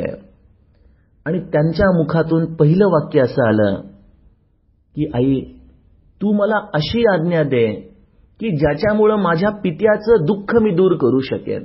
श्रोतो ही संवेदनशीलता आहे. इथं तिचा संताप यावरती रामाने तिचा अव्हेर केलेला नाहीये. इथं आपल्या वडिलांच्या दुःखामुळं केवळ आईला दुष्ण देऊन तो त्यांच्यावरती एक प्रकारे त्यांचं सांत्वन करू इच्छित नाहीये. तो या सम्यक दृष्टीने असं विधान करतोय की आई तू मला अशी आज्ञा दे की ज्याच्यामुळं माझ्या पित्याचं मी दुःख दूर करू शकेन. काय विलक्षण ही संवेदनशीलता आहे श्रोत्यो हे मन आकाशामध्ये नाही सापडू शकणार. ही केवळ माझ्या राघवाच्या अंतःकरणामध्ये सापडू शकेल. आकाश हे जरी सर्व व्यापी असलं तरी सर्व अंतःकरणातल्या दुःखांना ते केवळ एका स्थितप्रज्ञतेने बघत राहतं. पण माझा राम अनवाणी पायाने वनवासातल्या प्रत्येक ऋषी मुनीसाठी धावत गेलेला आहे. राज्याचे सर्व भोग सोडून तो गेलेला आहे. जसे माझे महाराज लहानपणी आईच्या मांडीवरती बसून चांदीच्या पेल्यामध्ये दूध पिणारे चांदीच्या ताटामध्ये आईच्या हातून दही भात खाणारे पण आपल्यासारख्या बहुजनांच्या उद्धारासाठी अनवाणी पायानी एका लंगोटीवरती देशाटन करत गुरुमाऊलीच्या शोधात गेले. ही संवेदनशीलता आहे श्रोत्यो हो, हे आकाश तत्व नाही. आकाशाच्या आधाराने मनुष्य हा असंवेदनशील राहू शकतो पण माझा राम नाही. आणि त्यामुळं सृष्टीचा विचार करत असताना या पंचमहाभूतिक सृष्टीचा विचार करत असताना आकाश तत्व रामाच्या उपमेला देण्यासाठी संपूर्णपणे योग्य ठरत नाही. जसं वर्गामध्ये आपण म्हणतो की तू खूप हुशार आहेस तू वर्गात पहिला पण आलायस पण तुला शंभर पैकी नव्याण्णव मार्क आहेत पण एक मार्क तुझा गेला बरं. तसं या आकाश रूपाचं या परमतत्वाशी जेव्हा आपण चिंतन करायला जातो तेव्हा नव्याण्णव मार्क त्याचे बरोबर जातात. पण एक मार्क मात्र हा या आकाशाला नेहमीच या भगवंतापासून थोडस लांब ठेवतो ते हे द्वैत आहे. आणि यातला सगळ्यात मोठा अज्ञानाचा प्रांत असा की जो या पूर्व पक्षाचा अंतिम टप्पा आहे. तो म्हणजे जो आत्मज्ञानी आहे त्याला ही संवेदना कुठं राहणार की मी आकाशाला वेगळेपणाने बघतोय? जेव्हा तो स्वतःचं अस्तित्व हरवून बसतो तेव्हा त्याच्या लक्षात येतं की अरे केवळ राम आहे. सृष्टी आहे मी आहे आणि आम्हाला तो व्यापून राम आहे यामध्ये देखील अहंकारच आहे ना? त्यामुळे इथं ज्याला या आत्मज्ञानाचं अवस्था प्राप्त झालेली आहे ज्यांनी या पूर्व पक्षाची सीमारेषा ओलांडलेली आहे जो या उत्तर पक्षाकडून भगवंताकडे बघतोय त्याला ही बघणारी दृष्टीच राहत नाही. तिथे सर्व लक्ष अलक्ष ही बुडाले. अशी ही विलक्षण अवस्था आहे. तिथं अद्वैत पूर्ण तत्वज्ञान अंतःकरणामध्ये अनुभूतीने शास्त्राच्या रूपाने आलेलं असतं. त्यामुळे समर्थ म्हणतात की दुजे वीण जो तोची तो हा स्वभाव. आहे इथं दुसरं कोणी नाहीच. ध्यान करू जाता भान हरपले. सगुण जाहले गुणादित. रामदास म्हणे लाचावले मन जेथे तेथे ध्यान दिसो लागे. इथं आता तोच आहे सगळीकडे. अरे मी आहे कुठं? तो बघणारे दृष्टी देखील मावळली. असं हे अद्वैत अवस्था या अद्वैत अवस्थेमध्ये सृष्टीत जिथं लय पावते तिथं या सृष्टीला तो व्यापून उरला आहे. हे म्हणणं अज्ञान नाही का? सृष्टीचंच अस्तित्व राहिलं नाही. तिथं व्यापकता हा शब्द खऱ्या अर्थाने निर्माणच होऊ शकतो का? जिथं मी आहे तिथं तो मला व्यापून उरला आहे असं म्हणता येऊ शकतं. पण जिथं मीच नाही तिथं व्यापकता या शब्दाला अर्थ काय आहे? श्रोत हो, यातून एक फार मोठं गूढ रहस्य समर्थ आपल्याला सांगू इच्छितात की त्या रामाची अनुभूती घ्यायची असेल तर केवळ आणि केवळ आपल्या अहंकाराचं विसर्जन आपल्या मीपणाचं विसर्जन हाच साधनाचा मार्ग आहे. आपण नाम घ्या आपण ध्यान करा आपण भक्ती करा आपण अगदी सहज राहा. काहीही करू नका. पण मला तर असं वाटतं की कुठल्याही अवस्थेमध्ये आपल्या जीवनामध्ये अहंकाराला स्थान देऊ नका बरं. परमार्थामध्ये बऱ्याचदा शोकांतिका वाटते की मी नाम घेतो माझी ही साधना आहे माझी ही पूजेची वेळ आहे असं म्हणून आपण बऱ्याचदा लोकांचा अव्हेर देखील करतो काय? म्हणजे जे शास्त्र आपल्या अहंकाराला विसर्जन करण्यासाठी वापरायचंय त्या शास्त्राचाच आपल्याला अहंकार होतो काय? या प्रश्नाचं चिंतन करण्याची वेळ आलेली आहे. आपण सहज राहा. जीवनाचा हा प्रवाह या प्रभू रामचंद्रांच्या तत्वाला जर अनुभूतीने जाणण्यासाठी असेल तर या प्रवाहाने स्वतः दिशा ठरवू नयेत. या प्रवाहाने स्वतः ऊर्जा लावू नये. या प्रवाहाने केवळ वाहत राहावं. त्या रामाच्या इच्छेने त्या रामाच्या कृपा आशीर्वादाने केवळ आणि केवळ सहज स्थितीमध्ये राहावं. या जगातले दोष बघण्याची प्रवृत्ती बंद करून मी कोणीतरी वेगळा या जाणीवेपासून लांब थांबून केवळ आणि केवळ सहजावस्थेमध्ये जगावं. आणि या सहजावस्थेचं नाम भगवंताचं नाम आहे. हे नाम जेव्हा आपल्या श्वासा निश्वासामध्ये सामावतं तेव्हा बऱ्याचदा या माळेची देखील गरज आपल्या जीवनामधून दूर होऊ शकते. असा हा अद्वैत तत्वज्ञानाचा भाग त्याच्या स्मरणाने त्याच्या अखंड चिंतनाने त्याच्या अत्यंत सूक्ष्म झालेल्या स्मरणाने आपल्या अंतःकरणामध्ये अत्यंत मधुर फळरूपाने अनुभूतीला येतो. श्रोत्यो आपल्या साधनेमध्ये इतकं खोल जा की मी त्याचं नाम घेतो आहे. ही जाणीव देखील आपल्या अंतःकरणातून काढून टाका. अत्यंत सहज व्हा. जगाकडे व्यापक दृष्टिकोनाने बघा. आलेल्या माणसाला जसा आहे तसं स्वीकारा. त्याच्यावरती अत्यंत निखळ प्रेम करायला शिका. आणि बघा त्या प्रभू रामचंद्राचं हस्त सच्चिदानंदमय रूप जे या शून्य आकाश तत्वाच्या पलीकडे आहे. बऱ्याचदा परमार्थामध्ये अत्यंत निरस वृत्तीने आपण जर संसार करत असूत तर त्या निराशतेच्या पलीकडे जाऊन जो रसमय भगवंत आहे त्या रसमय अवस्थेमध्ये आयुष्य जगा सहज व्हा. कुठल्याही गोष्टीचा अव्यर करू नका. यातच प्रभू रामचंद्रांची सहजता आपल्या अंतरंगाला व्यापून टाकेल. जानकी जीवन स्मरण जय जय राम. श्रीराम. आज आपण मनोबोधामधला एकशे नव्याण्णवावा श्लोक अभ्यासणार आहोत. समर्थ अति जीर्ण विस्तीर्ण ते रूप तेथे तर्क संपर्क तोही नसाहे अति गूढ ते दृढ तत्काळ सोपे दुजे वीण जे खूण स्वामी प्रतापे कालच्या श्लोकामध्ये आत्मवस्तूला व्यापक हा शब्द देखील कसा उन्हा पडतो? प्रभू रामचंद्रांचं हे आत्मस्वरूप सांगण्यासाठी आकाशाची उपमा देखील एका टप्प्यानंतर जशी मागं पडते त्यामुळं मग शेवटी या ब्रह्मवस्तूला या आत्मारामाला कुठल्या शब्दांमध्ये वर्णन करायचं? त्याची स्थिती कशी जाणायची? त्याला ओळखायचं कसं? याचं विस्तृत विवरण समर्थ आपल्याला आजच्या श्लोकात सांगणार आहेत. समर्थांच्या श्लोकाचा सरळ अर्थ असा की हे आत्माराम रूपी ब्रह्मवस्तूचं स्वरूप हे अत्यंत जीर्ण आहे. जीर्ण म्हणजे काळाच्या रूपाने जीर्ण आहे. ज्याला सनातन असा शब्द शास्त्र वापरतं. असं हे काळ रूपाने जर मोजायचं ठरवलं तर असं हे अद्भुत सर्व काळरूपी धारी जीवांचे वडील अशी ही त्याची स्थिती आहे. त्याचबरोबर त्याचा विस्तार बघायला जावा तर सर्व कल्पनांच्या पलीकडे सर्व तर्कांच्या पलीकडे त्याचा विस्तार आहे. त्यामुळे सर्व तर्क कल्पना जिथे थांबतात त्याच्याही पलीकडं त्या आत्मारामाचा विस्तार आहे. बरं. मग हे अत्यंत गूढ असं हे रूप ते गूढ असूनही रहस्यमय असूनही दृढ म्हणजे ते कधीच न हलता अखंड सतत आपल्याबरोबर आहे. पण त्याला जाणण्याची खूण शब्दाच्या आधाराने कळत नाही.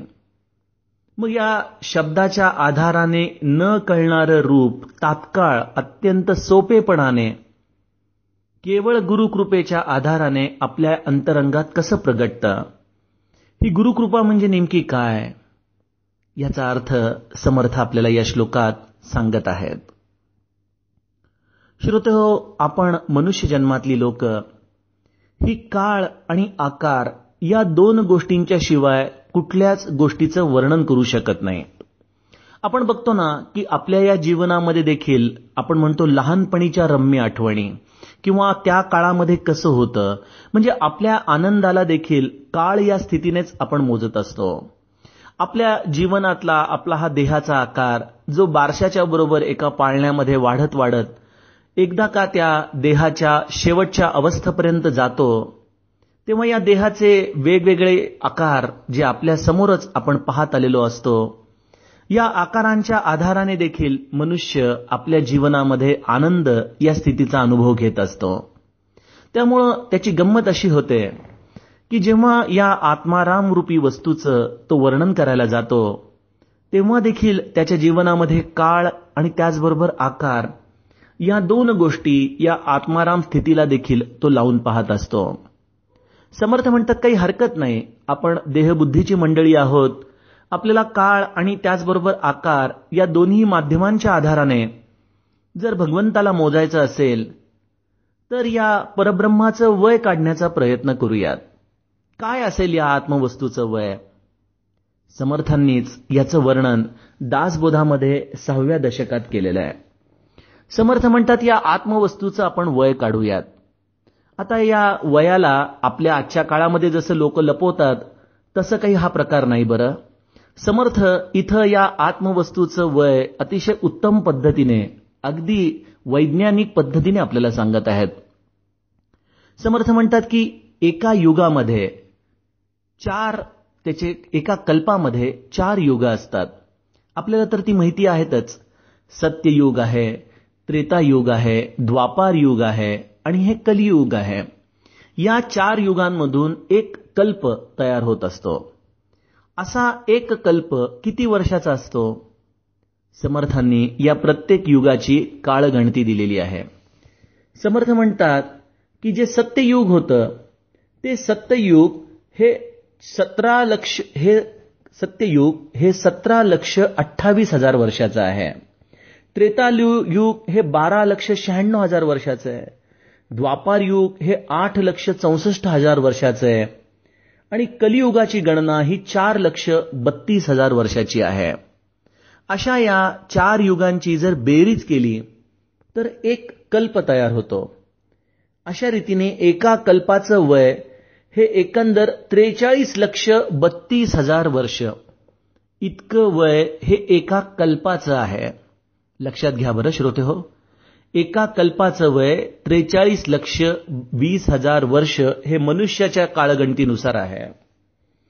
मग या त्रेचाळीस लक्ष बत्तीस हजार वर्षाचं माफ करा वीस हजार नाही बत्तीस हजार वर्षाचं असं मिळून जे एक कल्प तयार होतो अशा एका कल्पाने ब्रह्मदेवाचा केवळ एक दिवस होत असतो. म्हणजे बारा तासाची ड्युटी होती ब्रह्मदेवाची.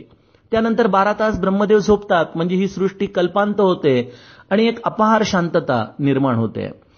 असे ब्रह्मदेवाचे एक हजार दिवस जेव्हा होतात त्रेचाळीस लक्ष बत्तीस हजार मानवी जीवनातली वर्ष म्हणजे ब्रह्मदेवाचा एक दिवस.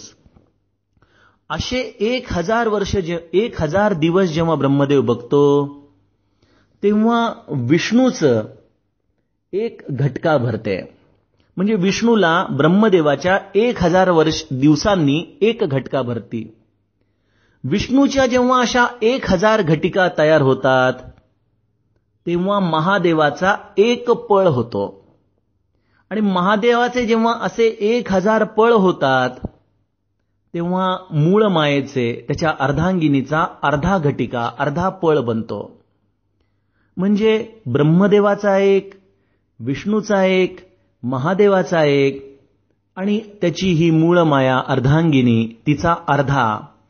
असा हा साडेतीन रूपी ओंकार म्हणजे ही काळगणती आहे. या ओंकाराची ही साडेतीन वेटोळे याच्याही पलीकडे हे सनातन तत्व केवळ आधारभूत मार्गानी आहे.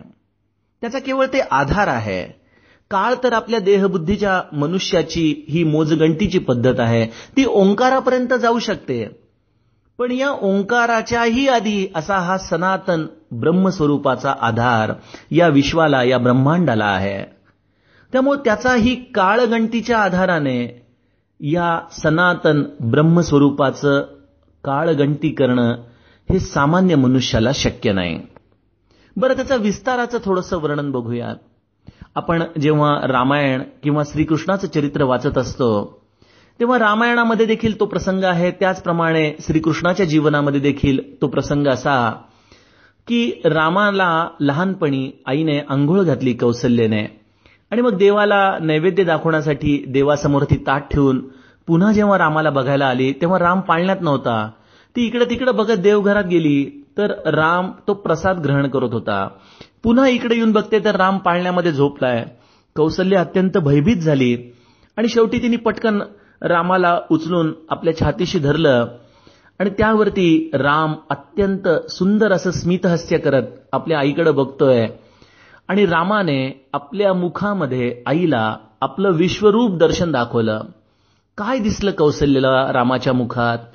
हजारो ब्रह्मांडांचा विस्तार असा हा अद्भुत विस्तार तिला आपल्या मुलाच्या अर्थात या आत्मस्वरूप रामाच्या मुखामध्ये दिसला. अशी अनंत ब्रह्मांड ही ज्याच्या मुखामध्ये सामावलेली आहेत जी त्याचं केवळ नाभी स्वरूप आहे असा तो राम तीच अवस्था कृष्णाच्या देखील चरित्रामध्ये आहे. कृष्णानी माती खाल्ली म्हणून कांगावा झाला आणि त्यावरती यशोदा कृष्णाला तोंड उघडायला लावते आणि त्या यशोदेला देखील श्रीकृष्णाने आपलं हे विश्वरूप दर्शन दाखवलेलं आहे. म्हणजे ज्या ब्रह्मांडाला सर्व कल्पनांच्या पलीकडं आपण जाऊन त्याचा विस्तार शोधण्याचा प्रयत्न केला तरी ते सापडत नाही. असं हे ब्रह्मांड या आत्मस्वरूपाच्या केवळ नाभिरूपाने एखाद्या भक्ताला दिसू शकतं. म्हणजे विस्ताराच्या आधाराने देखील त्याचं मोजमाप करता येणं अशक्य आहे. आणि त्याचबरोबर काळाच्या आधाराने देखील या ब्रह्मवस्तूला ओळखणं हे अत्यंत कठीण आहे. ते केवळ आहे. ते कुठेही जात नाही कुठूनही येत नाही. ते अत्यंत निश्चळ असं रूप आहे. अत्यंत दृढ असं रूप आहे. त्याला जाणण्यासाठी मनुष्याने कितीही तर्कांचा वापर केला कितीही कल्पनांचा आधार घेतला कितीही बुद्धीनी गणित सोडवली कितीही चतुराई वापरली तरी देखील या ब्रह्मस्वरूपाचा आदी अंत त्याला कळू शकत नाही. केवळ निव्वळ शब्दांचं पोकळ ज्ञान ह्याच्या पलीकडं या बुद्धीच्या आधाराने एका जीवाला कधीच काही प्राप्त होऊ शकत नाही. त्यामुळे समर्थ म्हणतायत की इथं कुठला तर्क चालत नाही. तेथे तर्क संपर्क तोही नसा आहे. इथं बुद्धीची कुठली कल्पना मनुष्याच्या मनाचा विस्तार मी आपल्याला वारंवार ते रामायणातलं उदाहरण सांगतोच की दंडकारण्यामध्ये जेव्हा लक्ष्मणाने प्रभू रामचंद्रांना काही प्रश्न विचारले त्यामध्ये मायेचा विस्तार किती हा एक प्रश्न होता. यावरती प्रभूंनी लक्ष्मणाला सांगितलं की जिथेपर्यंत म्हणून तुझं मन कल्पनेच्या आधाराने जाऊ शकतं तितका हा मनाचा विस्तार म्हणजे तू माया समज त्यामुळे या मायेच्या विस्तारामध्येच आपला तर्क येतो. कारण की तर्क करणारही शेवटी मनच आहे. ते बुद्धीच्या आधारानेच तर्क करतं. आपल्या अनुभवांच्या आधारानेच तर्क करतं. असं हे मन भगवंतापर्यंत न जाण्याचं कारण ते या मनाच्या साम्राज्यामध्ये येतं. आणि जिथं जिथंपर्यंत या मनाचा विस्तार आहे तिथपर्यंत मायाच आहे. तिथपर्यंत आपण या ब्रह्मस्वरूपाला स्पर्शच करू शकत नाही. असं हे अत्यंत अद्भुत रहस्यमय शास्त्र आहे. रहस्यमय म्हणावं तर अगदी निश्चळ समोरच आहे. कुठं जात नाही कुठून येत नाही कुठून त्याला आणावं लागत नाही. आपण सर्वजण हे एकदेशीय आहोत एक दृष्टिकोनातून बघतो. म्हणजे आपण जिथे आहोत तेव्हा जेव्हा आपण समोर बघत असतो तेव्हा आपल्या पाठीला काही डोळे नसतात की आपण मागचंही बघू शकू. पण ब्रह्माला ना पुढचा भाग आहे ना मागचा ना डावीकडचा ना उजवीकडचा ना समोरचा ना खालचा ते केवळ आहे. आणि ते सर्व साक्षीत्वाने आपल्या अवतीभोवती आपल्या अज्ञान रूपाने जर बोलायला जावं तर आपल्याला ते व्यापून उरलेलं आहे. आणि हे जाणणं हे मनुष्य जन्माचं खरं ध्येय आहे. त्याची अनुभूती घेणं हे मनुष्य जन्माचं ध्येय आहे. आपण कितीही जरी त्याच्यासाठी प्रयत्न केले कितीही आपल्या बुद्धीचे तर्क चालवले कितीही पद्धतीने शाब्दिक कसरती केल्या तरी देखील हे ब्रह्मस्वरूप आपल्या अनुभूतीला येऊ शकत नाही. हे आपल्या सर्वांचं प्रयत्नाच्या आधाराने जो आपला या ब्रह्मस्वरूपाचा पाठपुरावा चाललाय त्यामधली सगळ्यात मोठी अडचण आहे. आणि मग समर्थ हे ब्रह्मस्वरूप जे अत्यंत गूढ आहे रहस्यमय आहे जे केवळ आहे ज्याचा विस्तार मोजता येत नाही ज्याला काळाच्या गणतीने शोधता येत नाही असं ब्रह्मस्वरूप जाणण्याचा एक राजमार्ग आपल्याला सांगतात. काय राजमार्ग आहे तो?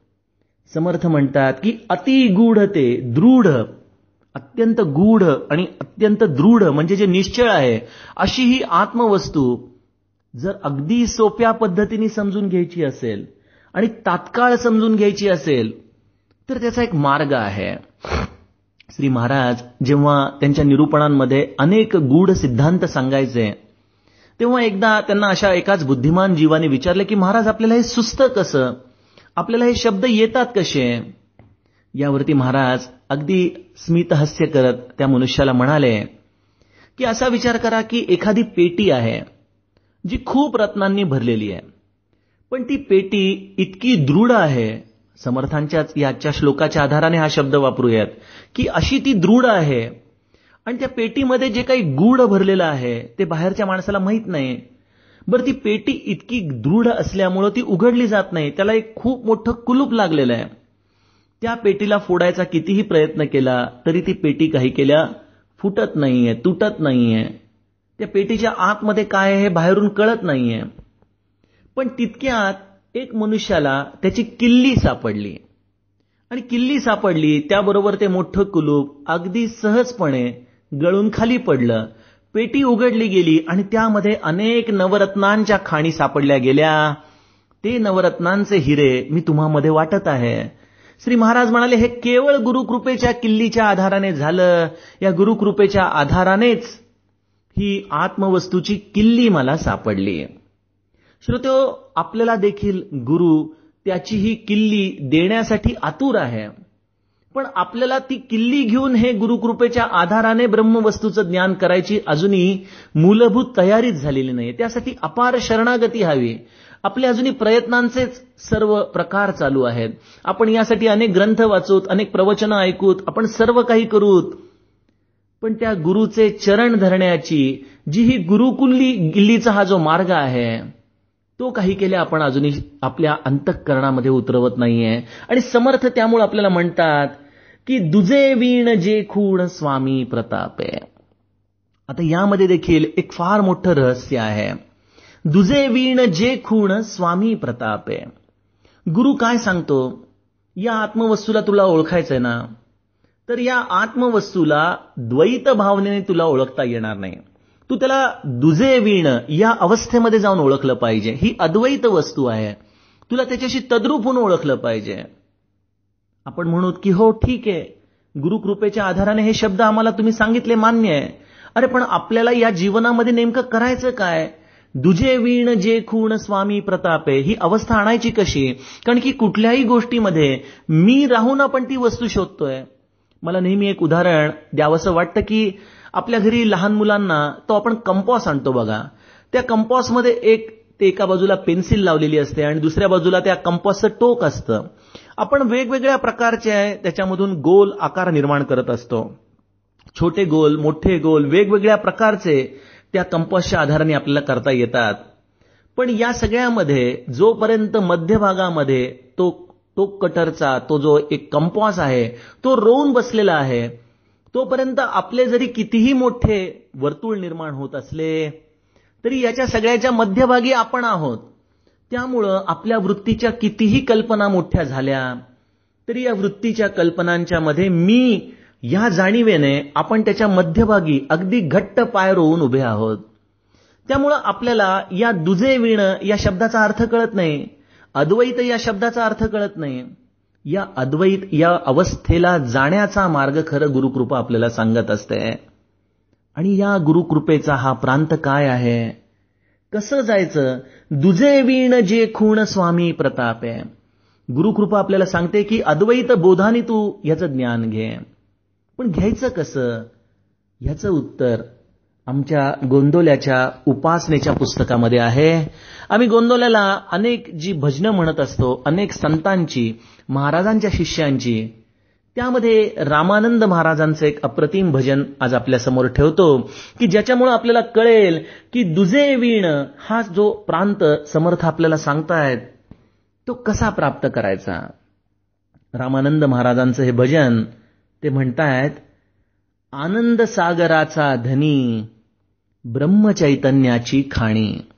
हा जो आनंद सागर रूपी जी सद्वस्तू आहे त्याचा जो धनी आहे या ब्रह्मचैतन्य रूपी अवस्थेची जी खाण आहे ती ओळखायची कशी? त्याची गुरुकिल्ली काय? ते हे देखिले पाय महद्भाग्याचा उदय. श्रोते हो सद्गुरूचे पाय सद्गुरूचे चरण हीच ती गुरु किल्ली आहे. गुरु आपल्याला सांगतोय की अरे तो कसा आपल्या मुखाने सांगेन की तू माझे पाय धर मी तुला ती आत्मवस्तू सांगेन? गुरु आपल्याला संकेत रूपाने सांगतो की तू त्याच्याशी तद्रूप होऊन जा आणि तद्रूप होण्याचा मार्ग हे गुरुचे चरण आहेत. जो या गुरुच्या चरणांशी अनन्य झाला जो या गुरुच्या चरणांशी तद्रूप झाला तो या किल्लीच्या आधारानेच या आत्मवस्तूमध्ये उतरला जीच केवळ तर्कांच्या पलीकडं आहे जी काळाच्या पलीकडं आहे जी विस्ताराच्या पलीकडं आहे.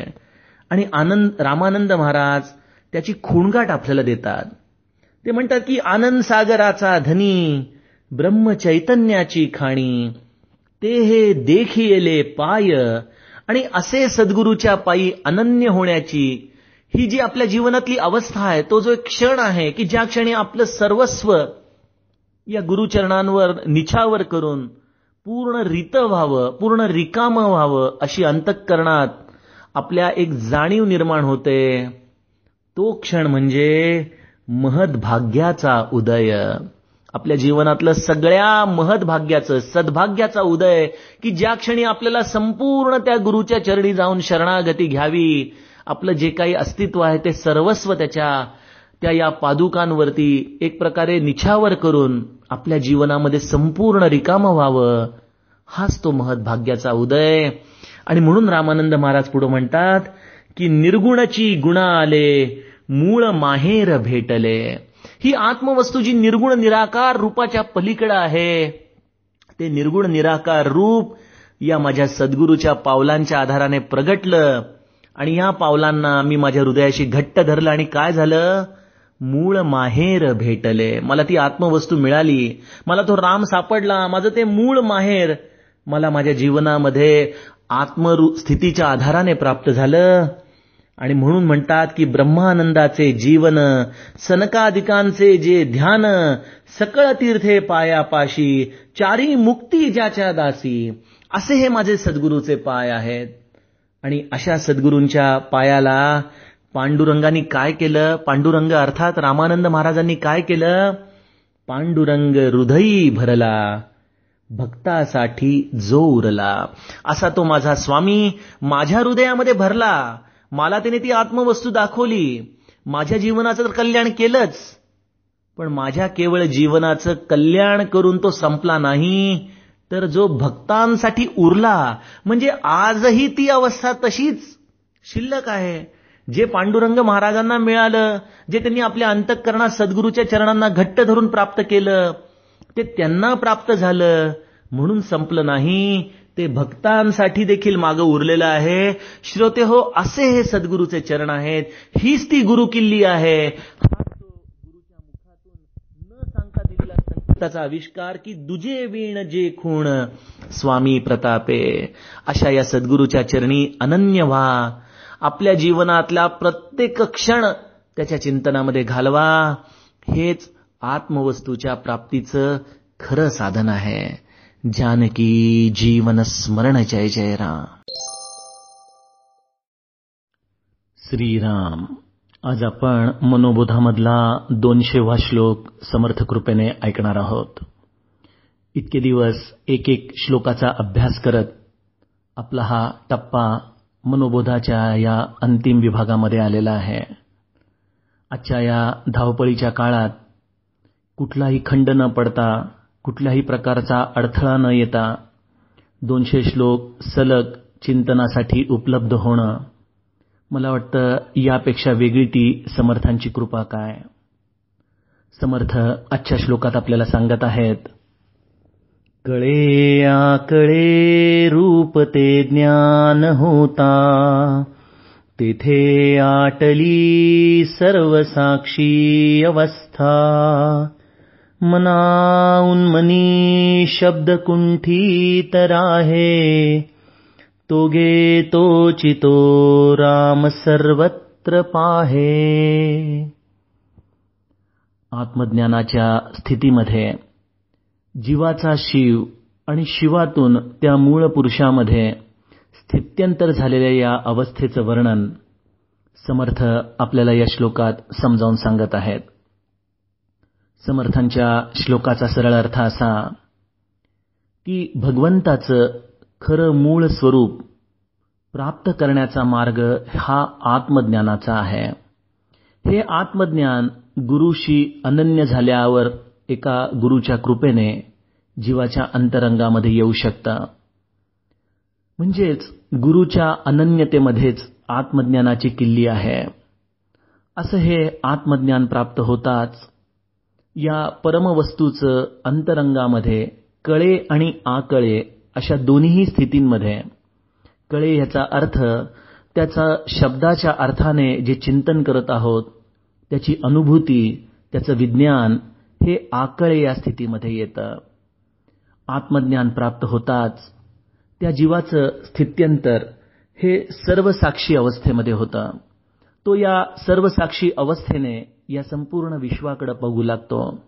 त्याचं मन या विश्वमनाशी एकरूप होतं. या विश्वमनाच्या एकरूपतेमध्ये देखील भक्तीचं जर साधन चालू असेल तर ही गुरुकृपा त्याला पुढच्या टप्प्यावरती घेऊन जाते. या पुढच्या टप्प्यावरती ही सर्वसाक्षी अवस्था देखील लोपून जाते आणि जे मन या जिवंतपणाने संवेदना घेऊन या विश्वाला सर्वसाक्षी दृष्टीने पाहत होतं ते मन देखील आपलं मन पण सोडून उन्मन होऊन जातं. या उन्मन स्थितीमध्ये ते स्वरूपाकार झालेलं हा जीव केवळ आणि केवळ सर्वत्र त्या भगवंताचंच रूप या सृष्टीमध्ये आपला हा प्रारब्धवश देह पुडुस्तर अनुभवत राहतो. अशी ही विलक्षण आत्मज्ञानाची स्थिती समर्थ या श्लोकात आपल्याला सांगत आहेत.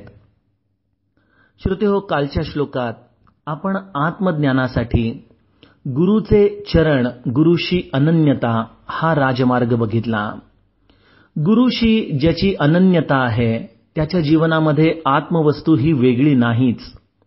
पण आपल्यासारख्या सामान्य लोकांना भक्ती अर्थात या सद्गुरूशी असलेली अनन्यता आणि आत्मज्ञान या दोघांमध्ये फारकत वाटते श्री महाराज यावरती फार छान उदाहरण द्यायचे ते म्हणायचे की नाण्याची एक बाजू उचलली की दुसरी बाजू जशी सहजपणे आपल्या हातामध्ये येते तसं एकदा का जीवाने गुरुच्या चरणांशी अनन्यता आत्मनिवेदन भक्तीच्या आधाराने स्वीकारली की त्या आत्मज्ञानाचा उदय सहजपणे त्याच्या अंतरंगामध्ये होतो.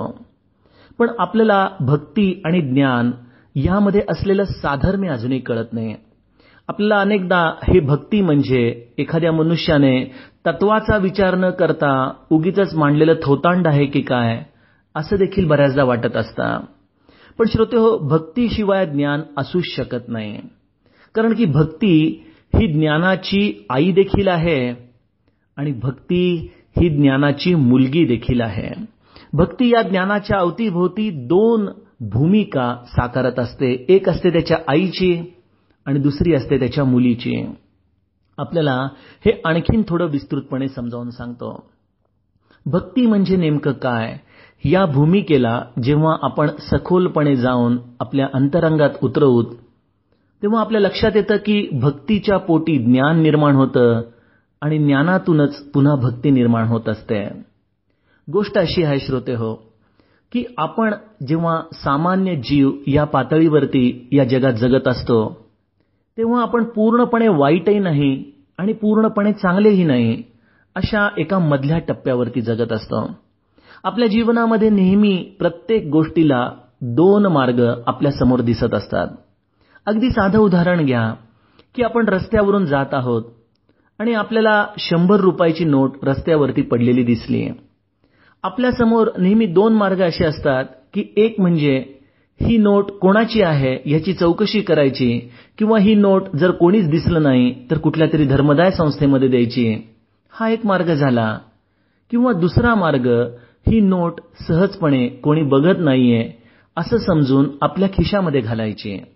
म्हणजे मनुष्याला त्याच्या प्रत्येक जीवनाच्या क्षणामध्ये हे दोन मार्ग सतत त्याच्यासमोर नेहमी त्याला एका जसं आपण आपल्या जीवनामध्ये पर्याय म्हणून अशा दृष्टीने समोर उभे असतात. एक हा जो मार्ग आहे तो विद्येचा मार्ग आहे आणि दुसरा हा अविद्येचा मार्ग आहे. जीव हा स्वतःच अविद्येच्या पोटी जन्माला आलेला असतो. त्यामुळं अविद्येच्या पोटी जन्माला आलेला जीव या स्वरूपाची विद्या घेऊन जगू शकेल यामध्ये अनेकदा आपल्याच मनामध्ये शंका येऊ शकते. कारण की जीव हा मुळी वासनेच्या पोटीतून जन्म आलेला आहे. या वासना तृप्तीसाठी म्हणून आपण जन्माला आलेलो आहोत. त्यामुळं कुठल्या ना कुठल्या तरी टप्प्यावरती ही वासना आपल्याला अविद्येच्या अंमलाखालीच नेहमी घेऊन जात असते आणि मनुष्याला या विद्येचा विसर हा सहजपणे पडत असतो. मग यातून ही जी विद्या नामक आत्मज्ञानाची कडे जाणारा जो प्रवास आहे ह्या प्रवासाला आपण कितीही पद्धतीने जीवनामध्ये उतरवायचं ठरवलं तरी आपल्या जीवनात ही विद्या सहज रीतीने येऊ शकत नाही. मग याला काय केलं पाहिजे? ही अविद्या नामक स्थिती आपण आपल्या जीवनात संपवली पाहिजे. ही अविद्या नामक स्थिती कशा पद्धतीने संपवायची? असा विचार करा की आपल्याकडं जसं एखादी नदी समुद्राला जाऊन मिळते या नदीला जर असा तिने विचार केला की मी का बरं समुद्राला जाऊन मिळावं? समुद्र माझ्याकडे येऊ शकत नाही का?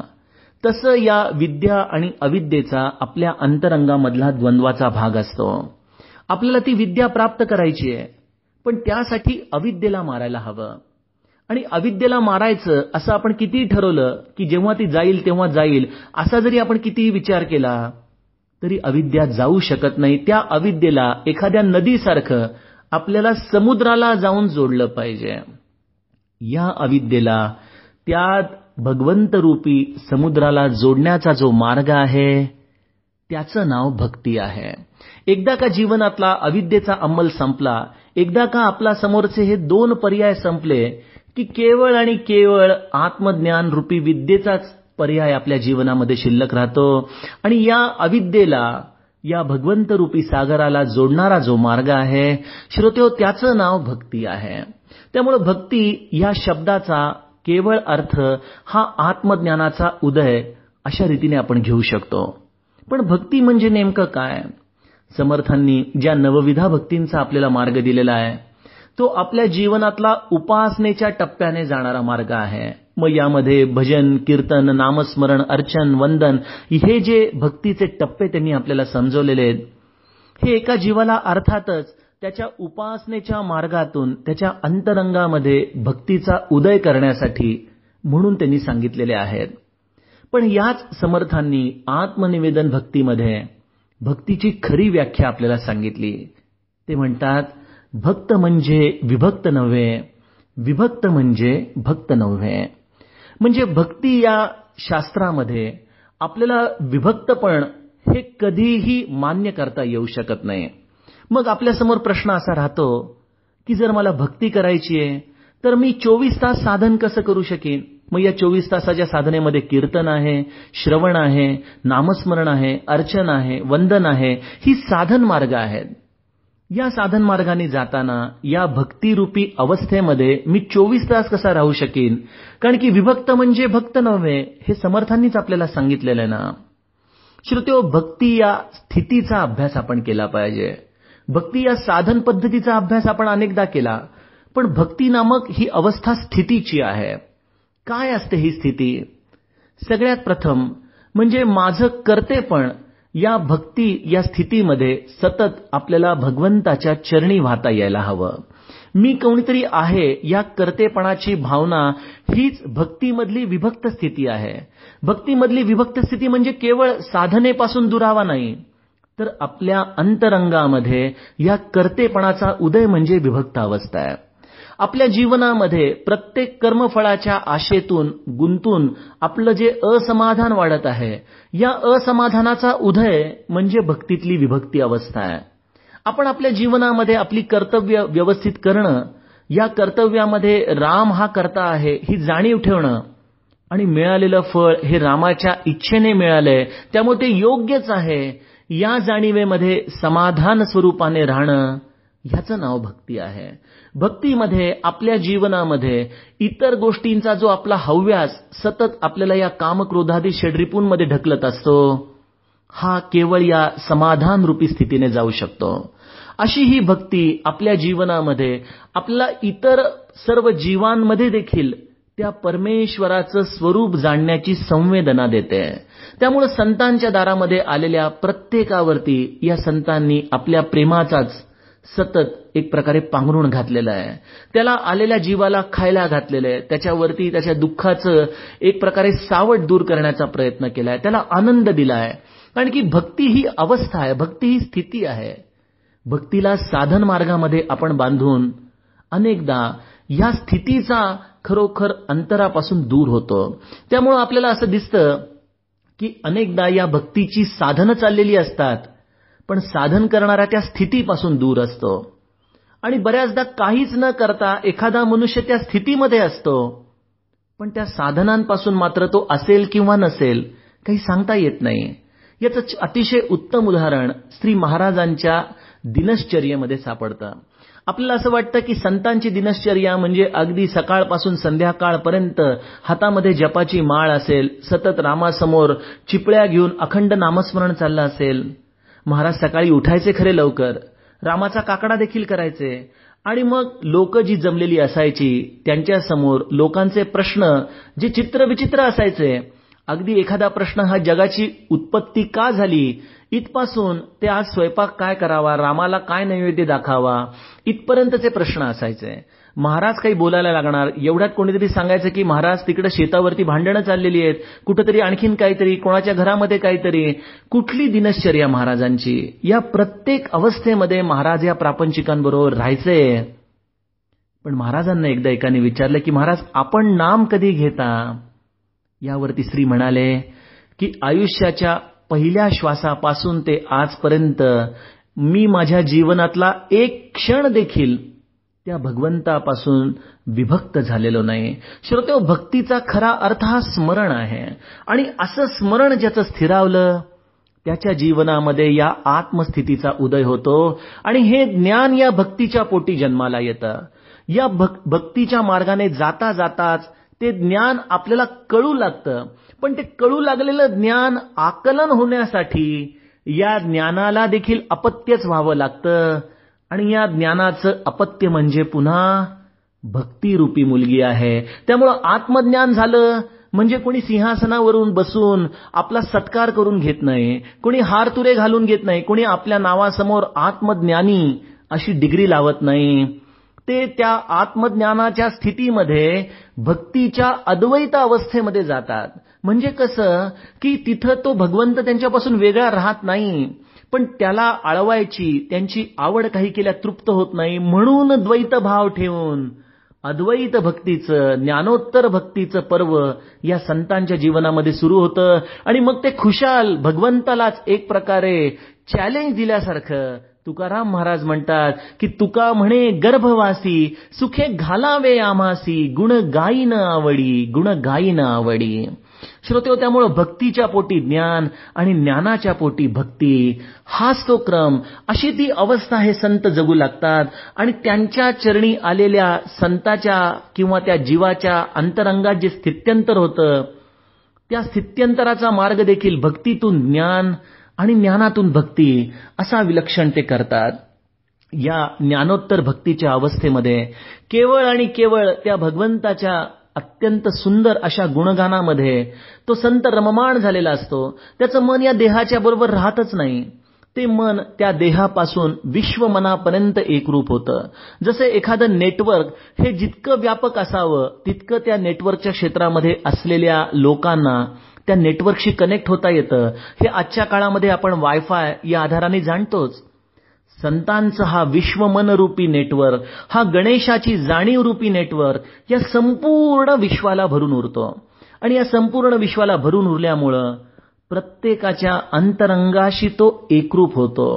श्री महाराज म्हणायचे की माझा मनुष्य दुश्चित्त झाला की माझं अंतःकरण देखील दुश्चित व्हायला लागतं आणि मग मी माझ्या अंतरंगात शोधतो की कोण माझा मनुष्य आता इतका दुःखी आहे. आणि त्याचं दुःख मी कसं दूर करू शकतो? या गोष्टीचाच मी सतत विचार करू लागतो. श्रोतो ही सर्व साक्षी अवस्था आहे. की जिथं त्यांच्याकडं आलेला किंवा त्यांचा अव्हेर केलेला कुठलाही जीव असो त्या मनाची एकरूपता साधणं हे संतांच्या अद्वैत ज्ञानोत्तर भक्तीचं मर्म आहे. या ज्ञानोत्तर भक्तीतून संत हा सर्व साक्षी होऊ लागतो. श्री महाराजांनी त्यावेळेला अठराशे सत्तावन्नच्या युद्धानंतर जे नानासाहेब पेशवे होते जे नैमिशरण्यामध्ये दडून बसले होते त्यांना आपल्या खऱ्या अर्थाने जीवनाचं भय वाटत होतं. आणि महाराजांचा साधनकाळ देखील त्यावेळेला चालू. आणि त्यावेळेला त्यांनी पेशव्यांना शब्द दिला होता की तुमचा अंतकाळ मी साधीन तुमच्या अंतकाळाच्या वेळेला मी इथं उपस्थित असेन. त्यानंतर बराच काळ निघून गेला. एक दिवशी श्री महाराज गोंदोल्यामध्ये होते.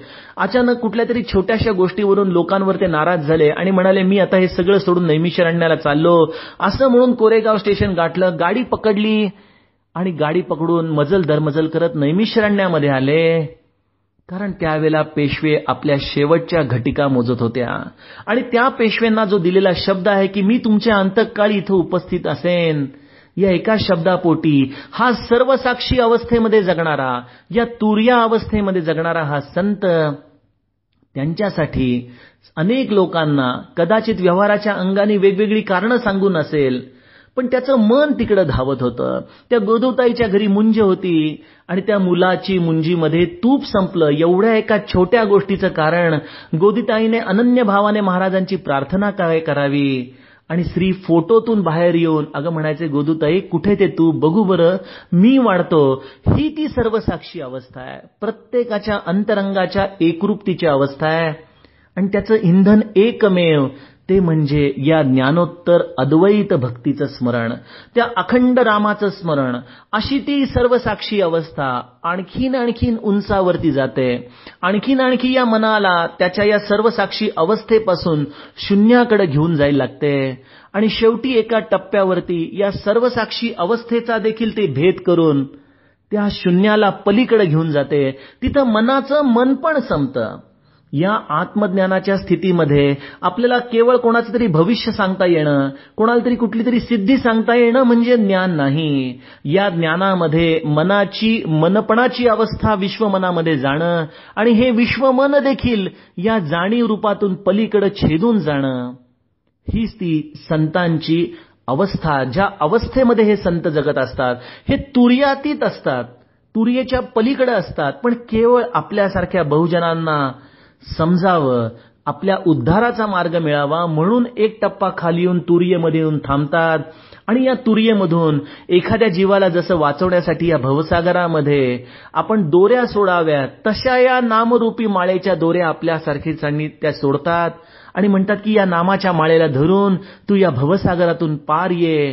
त्यासाठी म्हणून हे तुर्येमध्ये थांबतात. त्यासाठी या सर्वसाक्षी अवस्थेमध्ये सांगतात पण त्यांची खरी अवस्था ही तुर्यातीत आहे.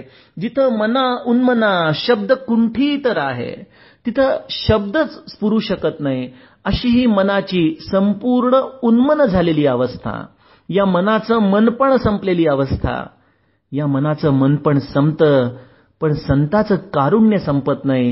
हे कारुण्यच या संताला या ज्ञानातून पुन्हा भक्तीमध्ये घेऊन येतं आणि या भक्तीच्या अंतरंगामध्ये उदय पावलेल्या या संताला केवळ आणि केवळ ही करुणा या समाज जीवनामध्ये या बहुजनांमध्ये घेऊन येते.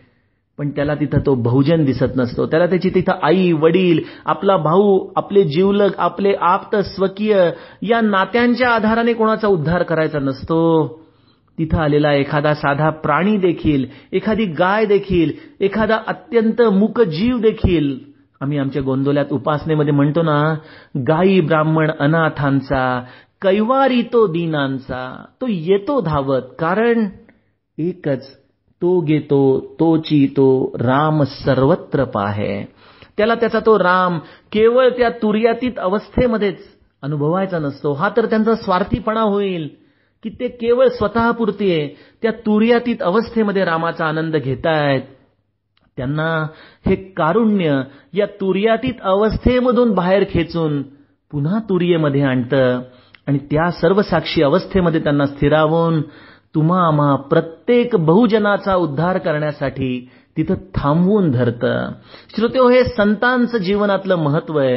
हे सद्गुरूचं आपल्या आयुष्यामधलं खऱ्या अर्थाने कृपेचं महत्त्व आहे की तो आपल्यासाठी तुरीयमध्ये येतो. त्याला तर खरं त्या रामाच्याच अंतरंगामध्ये अखंड स्थिरावायचं आहे. पण तुम्हा आम्हा प्रत्येकाच्या उद्धारासाठी जो या तुर्येच्या सिंहासनावरती थांबून आपल्या उद्धाराचा मार्ग दाखवतो त्याचं नाव सद्गुरू असतं. असा हा विलक्षण जीवन उद्धाराचा आत्मज्ञानाचा प्रांत केवळ भक्तीच्या मार्गातून जातो. या भक्तीच्या मार्गातून जाता जाता सद्गुरूच्या चरणी अनन्य होऊन जो कधीच विभक्त होत नाही. जसं समर्थ म्हणतात की असो सद्गुरूच्या पायी अनन्यता मग तुझं काय सेरी चिंता? या आत्मज्ञानासाठी वेगळी कुठलीही चिंता करू नका. केवळ आणि केवळ सद्गुरूंनी दाखवलेल्या साधन मार्गावरून त्यांच्याशी जो अनन्य होत जाईल जो जितका रिकामा होत जाईल तितकं हे ज्ञान त्याच्या अंतरंगामध्ये उदय पावायला लागेल. हाच तो आपल्या जीवनातील महद्भाग्याचा क्षण. श्रोते हो सद्गुरू कृपेने ह्याच जीवनात तुम्हा आम्हा प्रत्येकाच्या अंतरंगात हा उदयाला यावा. हीच सद्गुरूच्या चरणी प्रार्थना. जानकी जीवन स्मरण जय जय राम.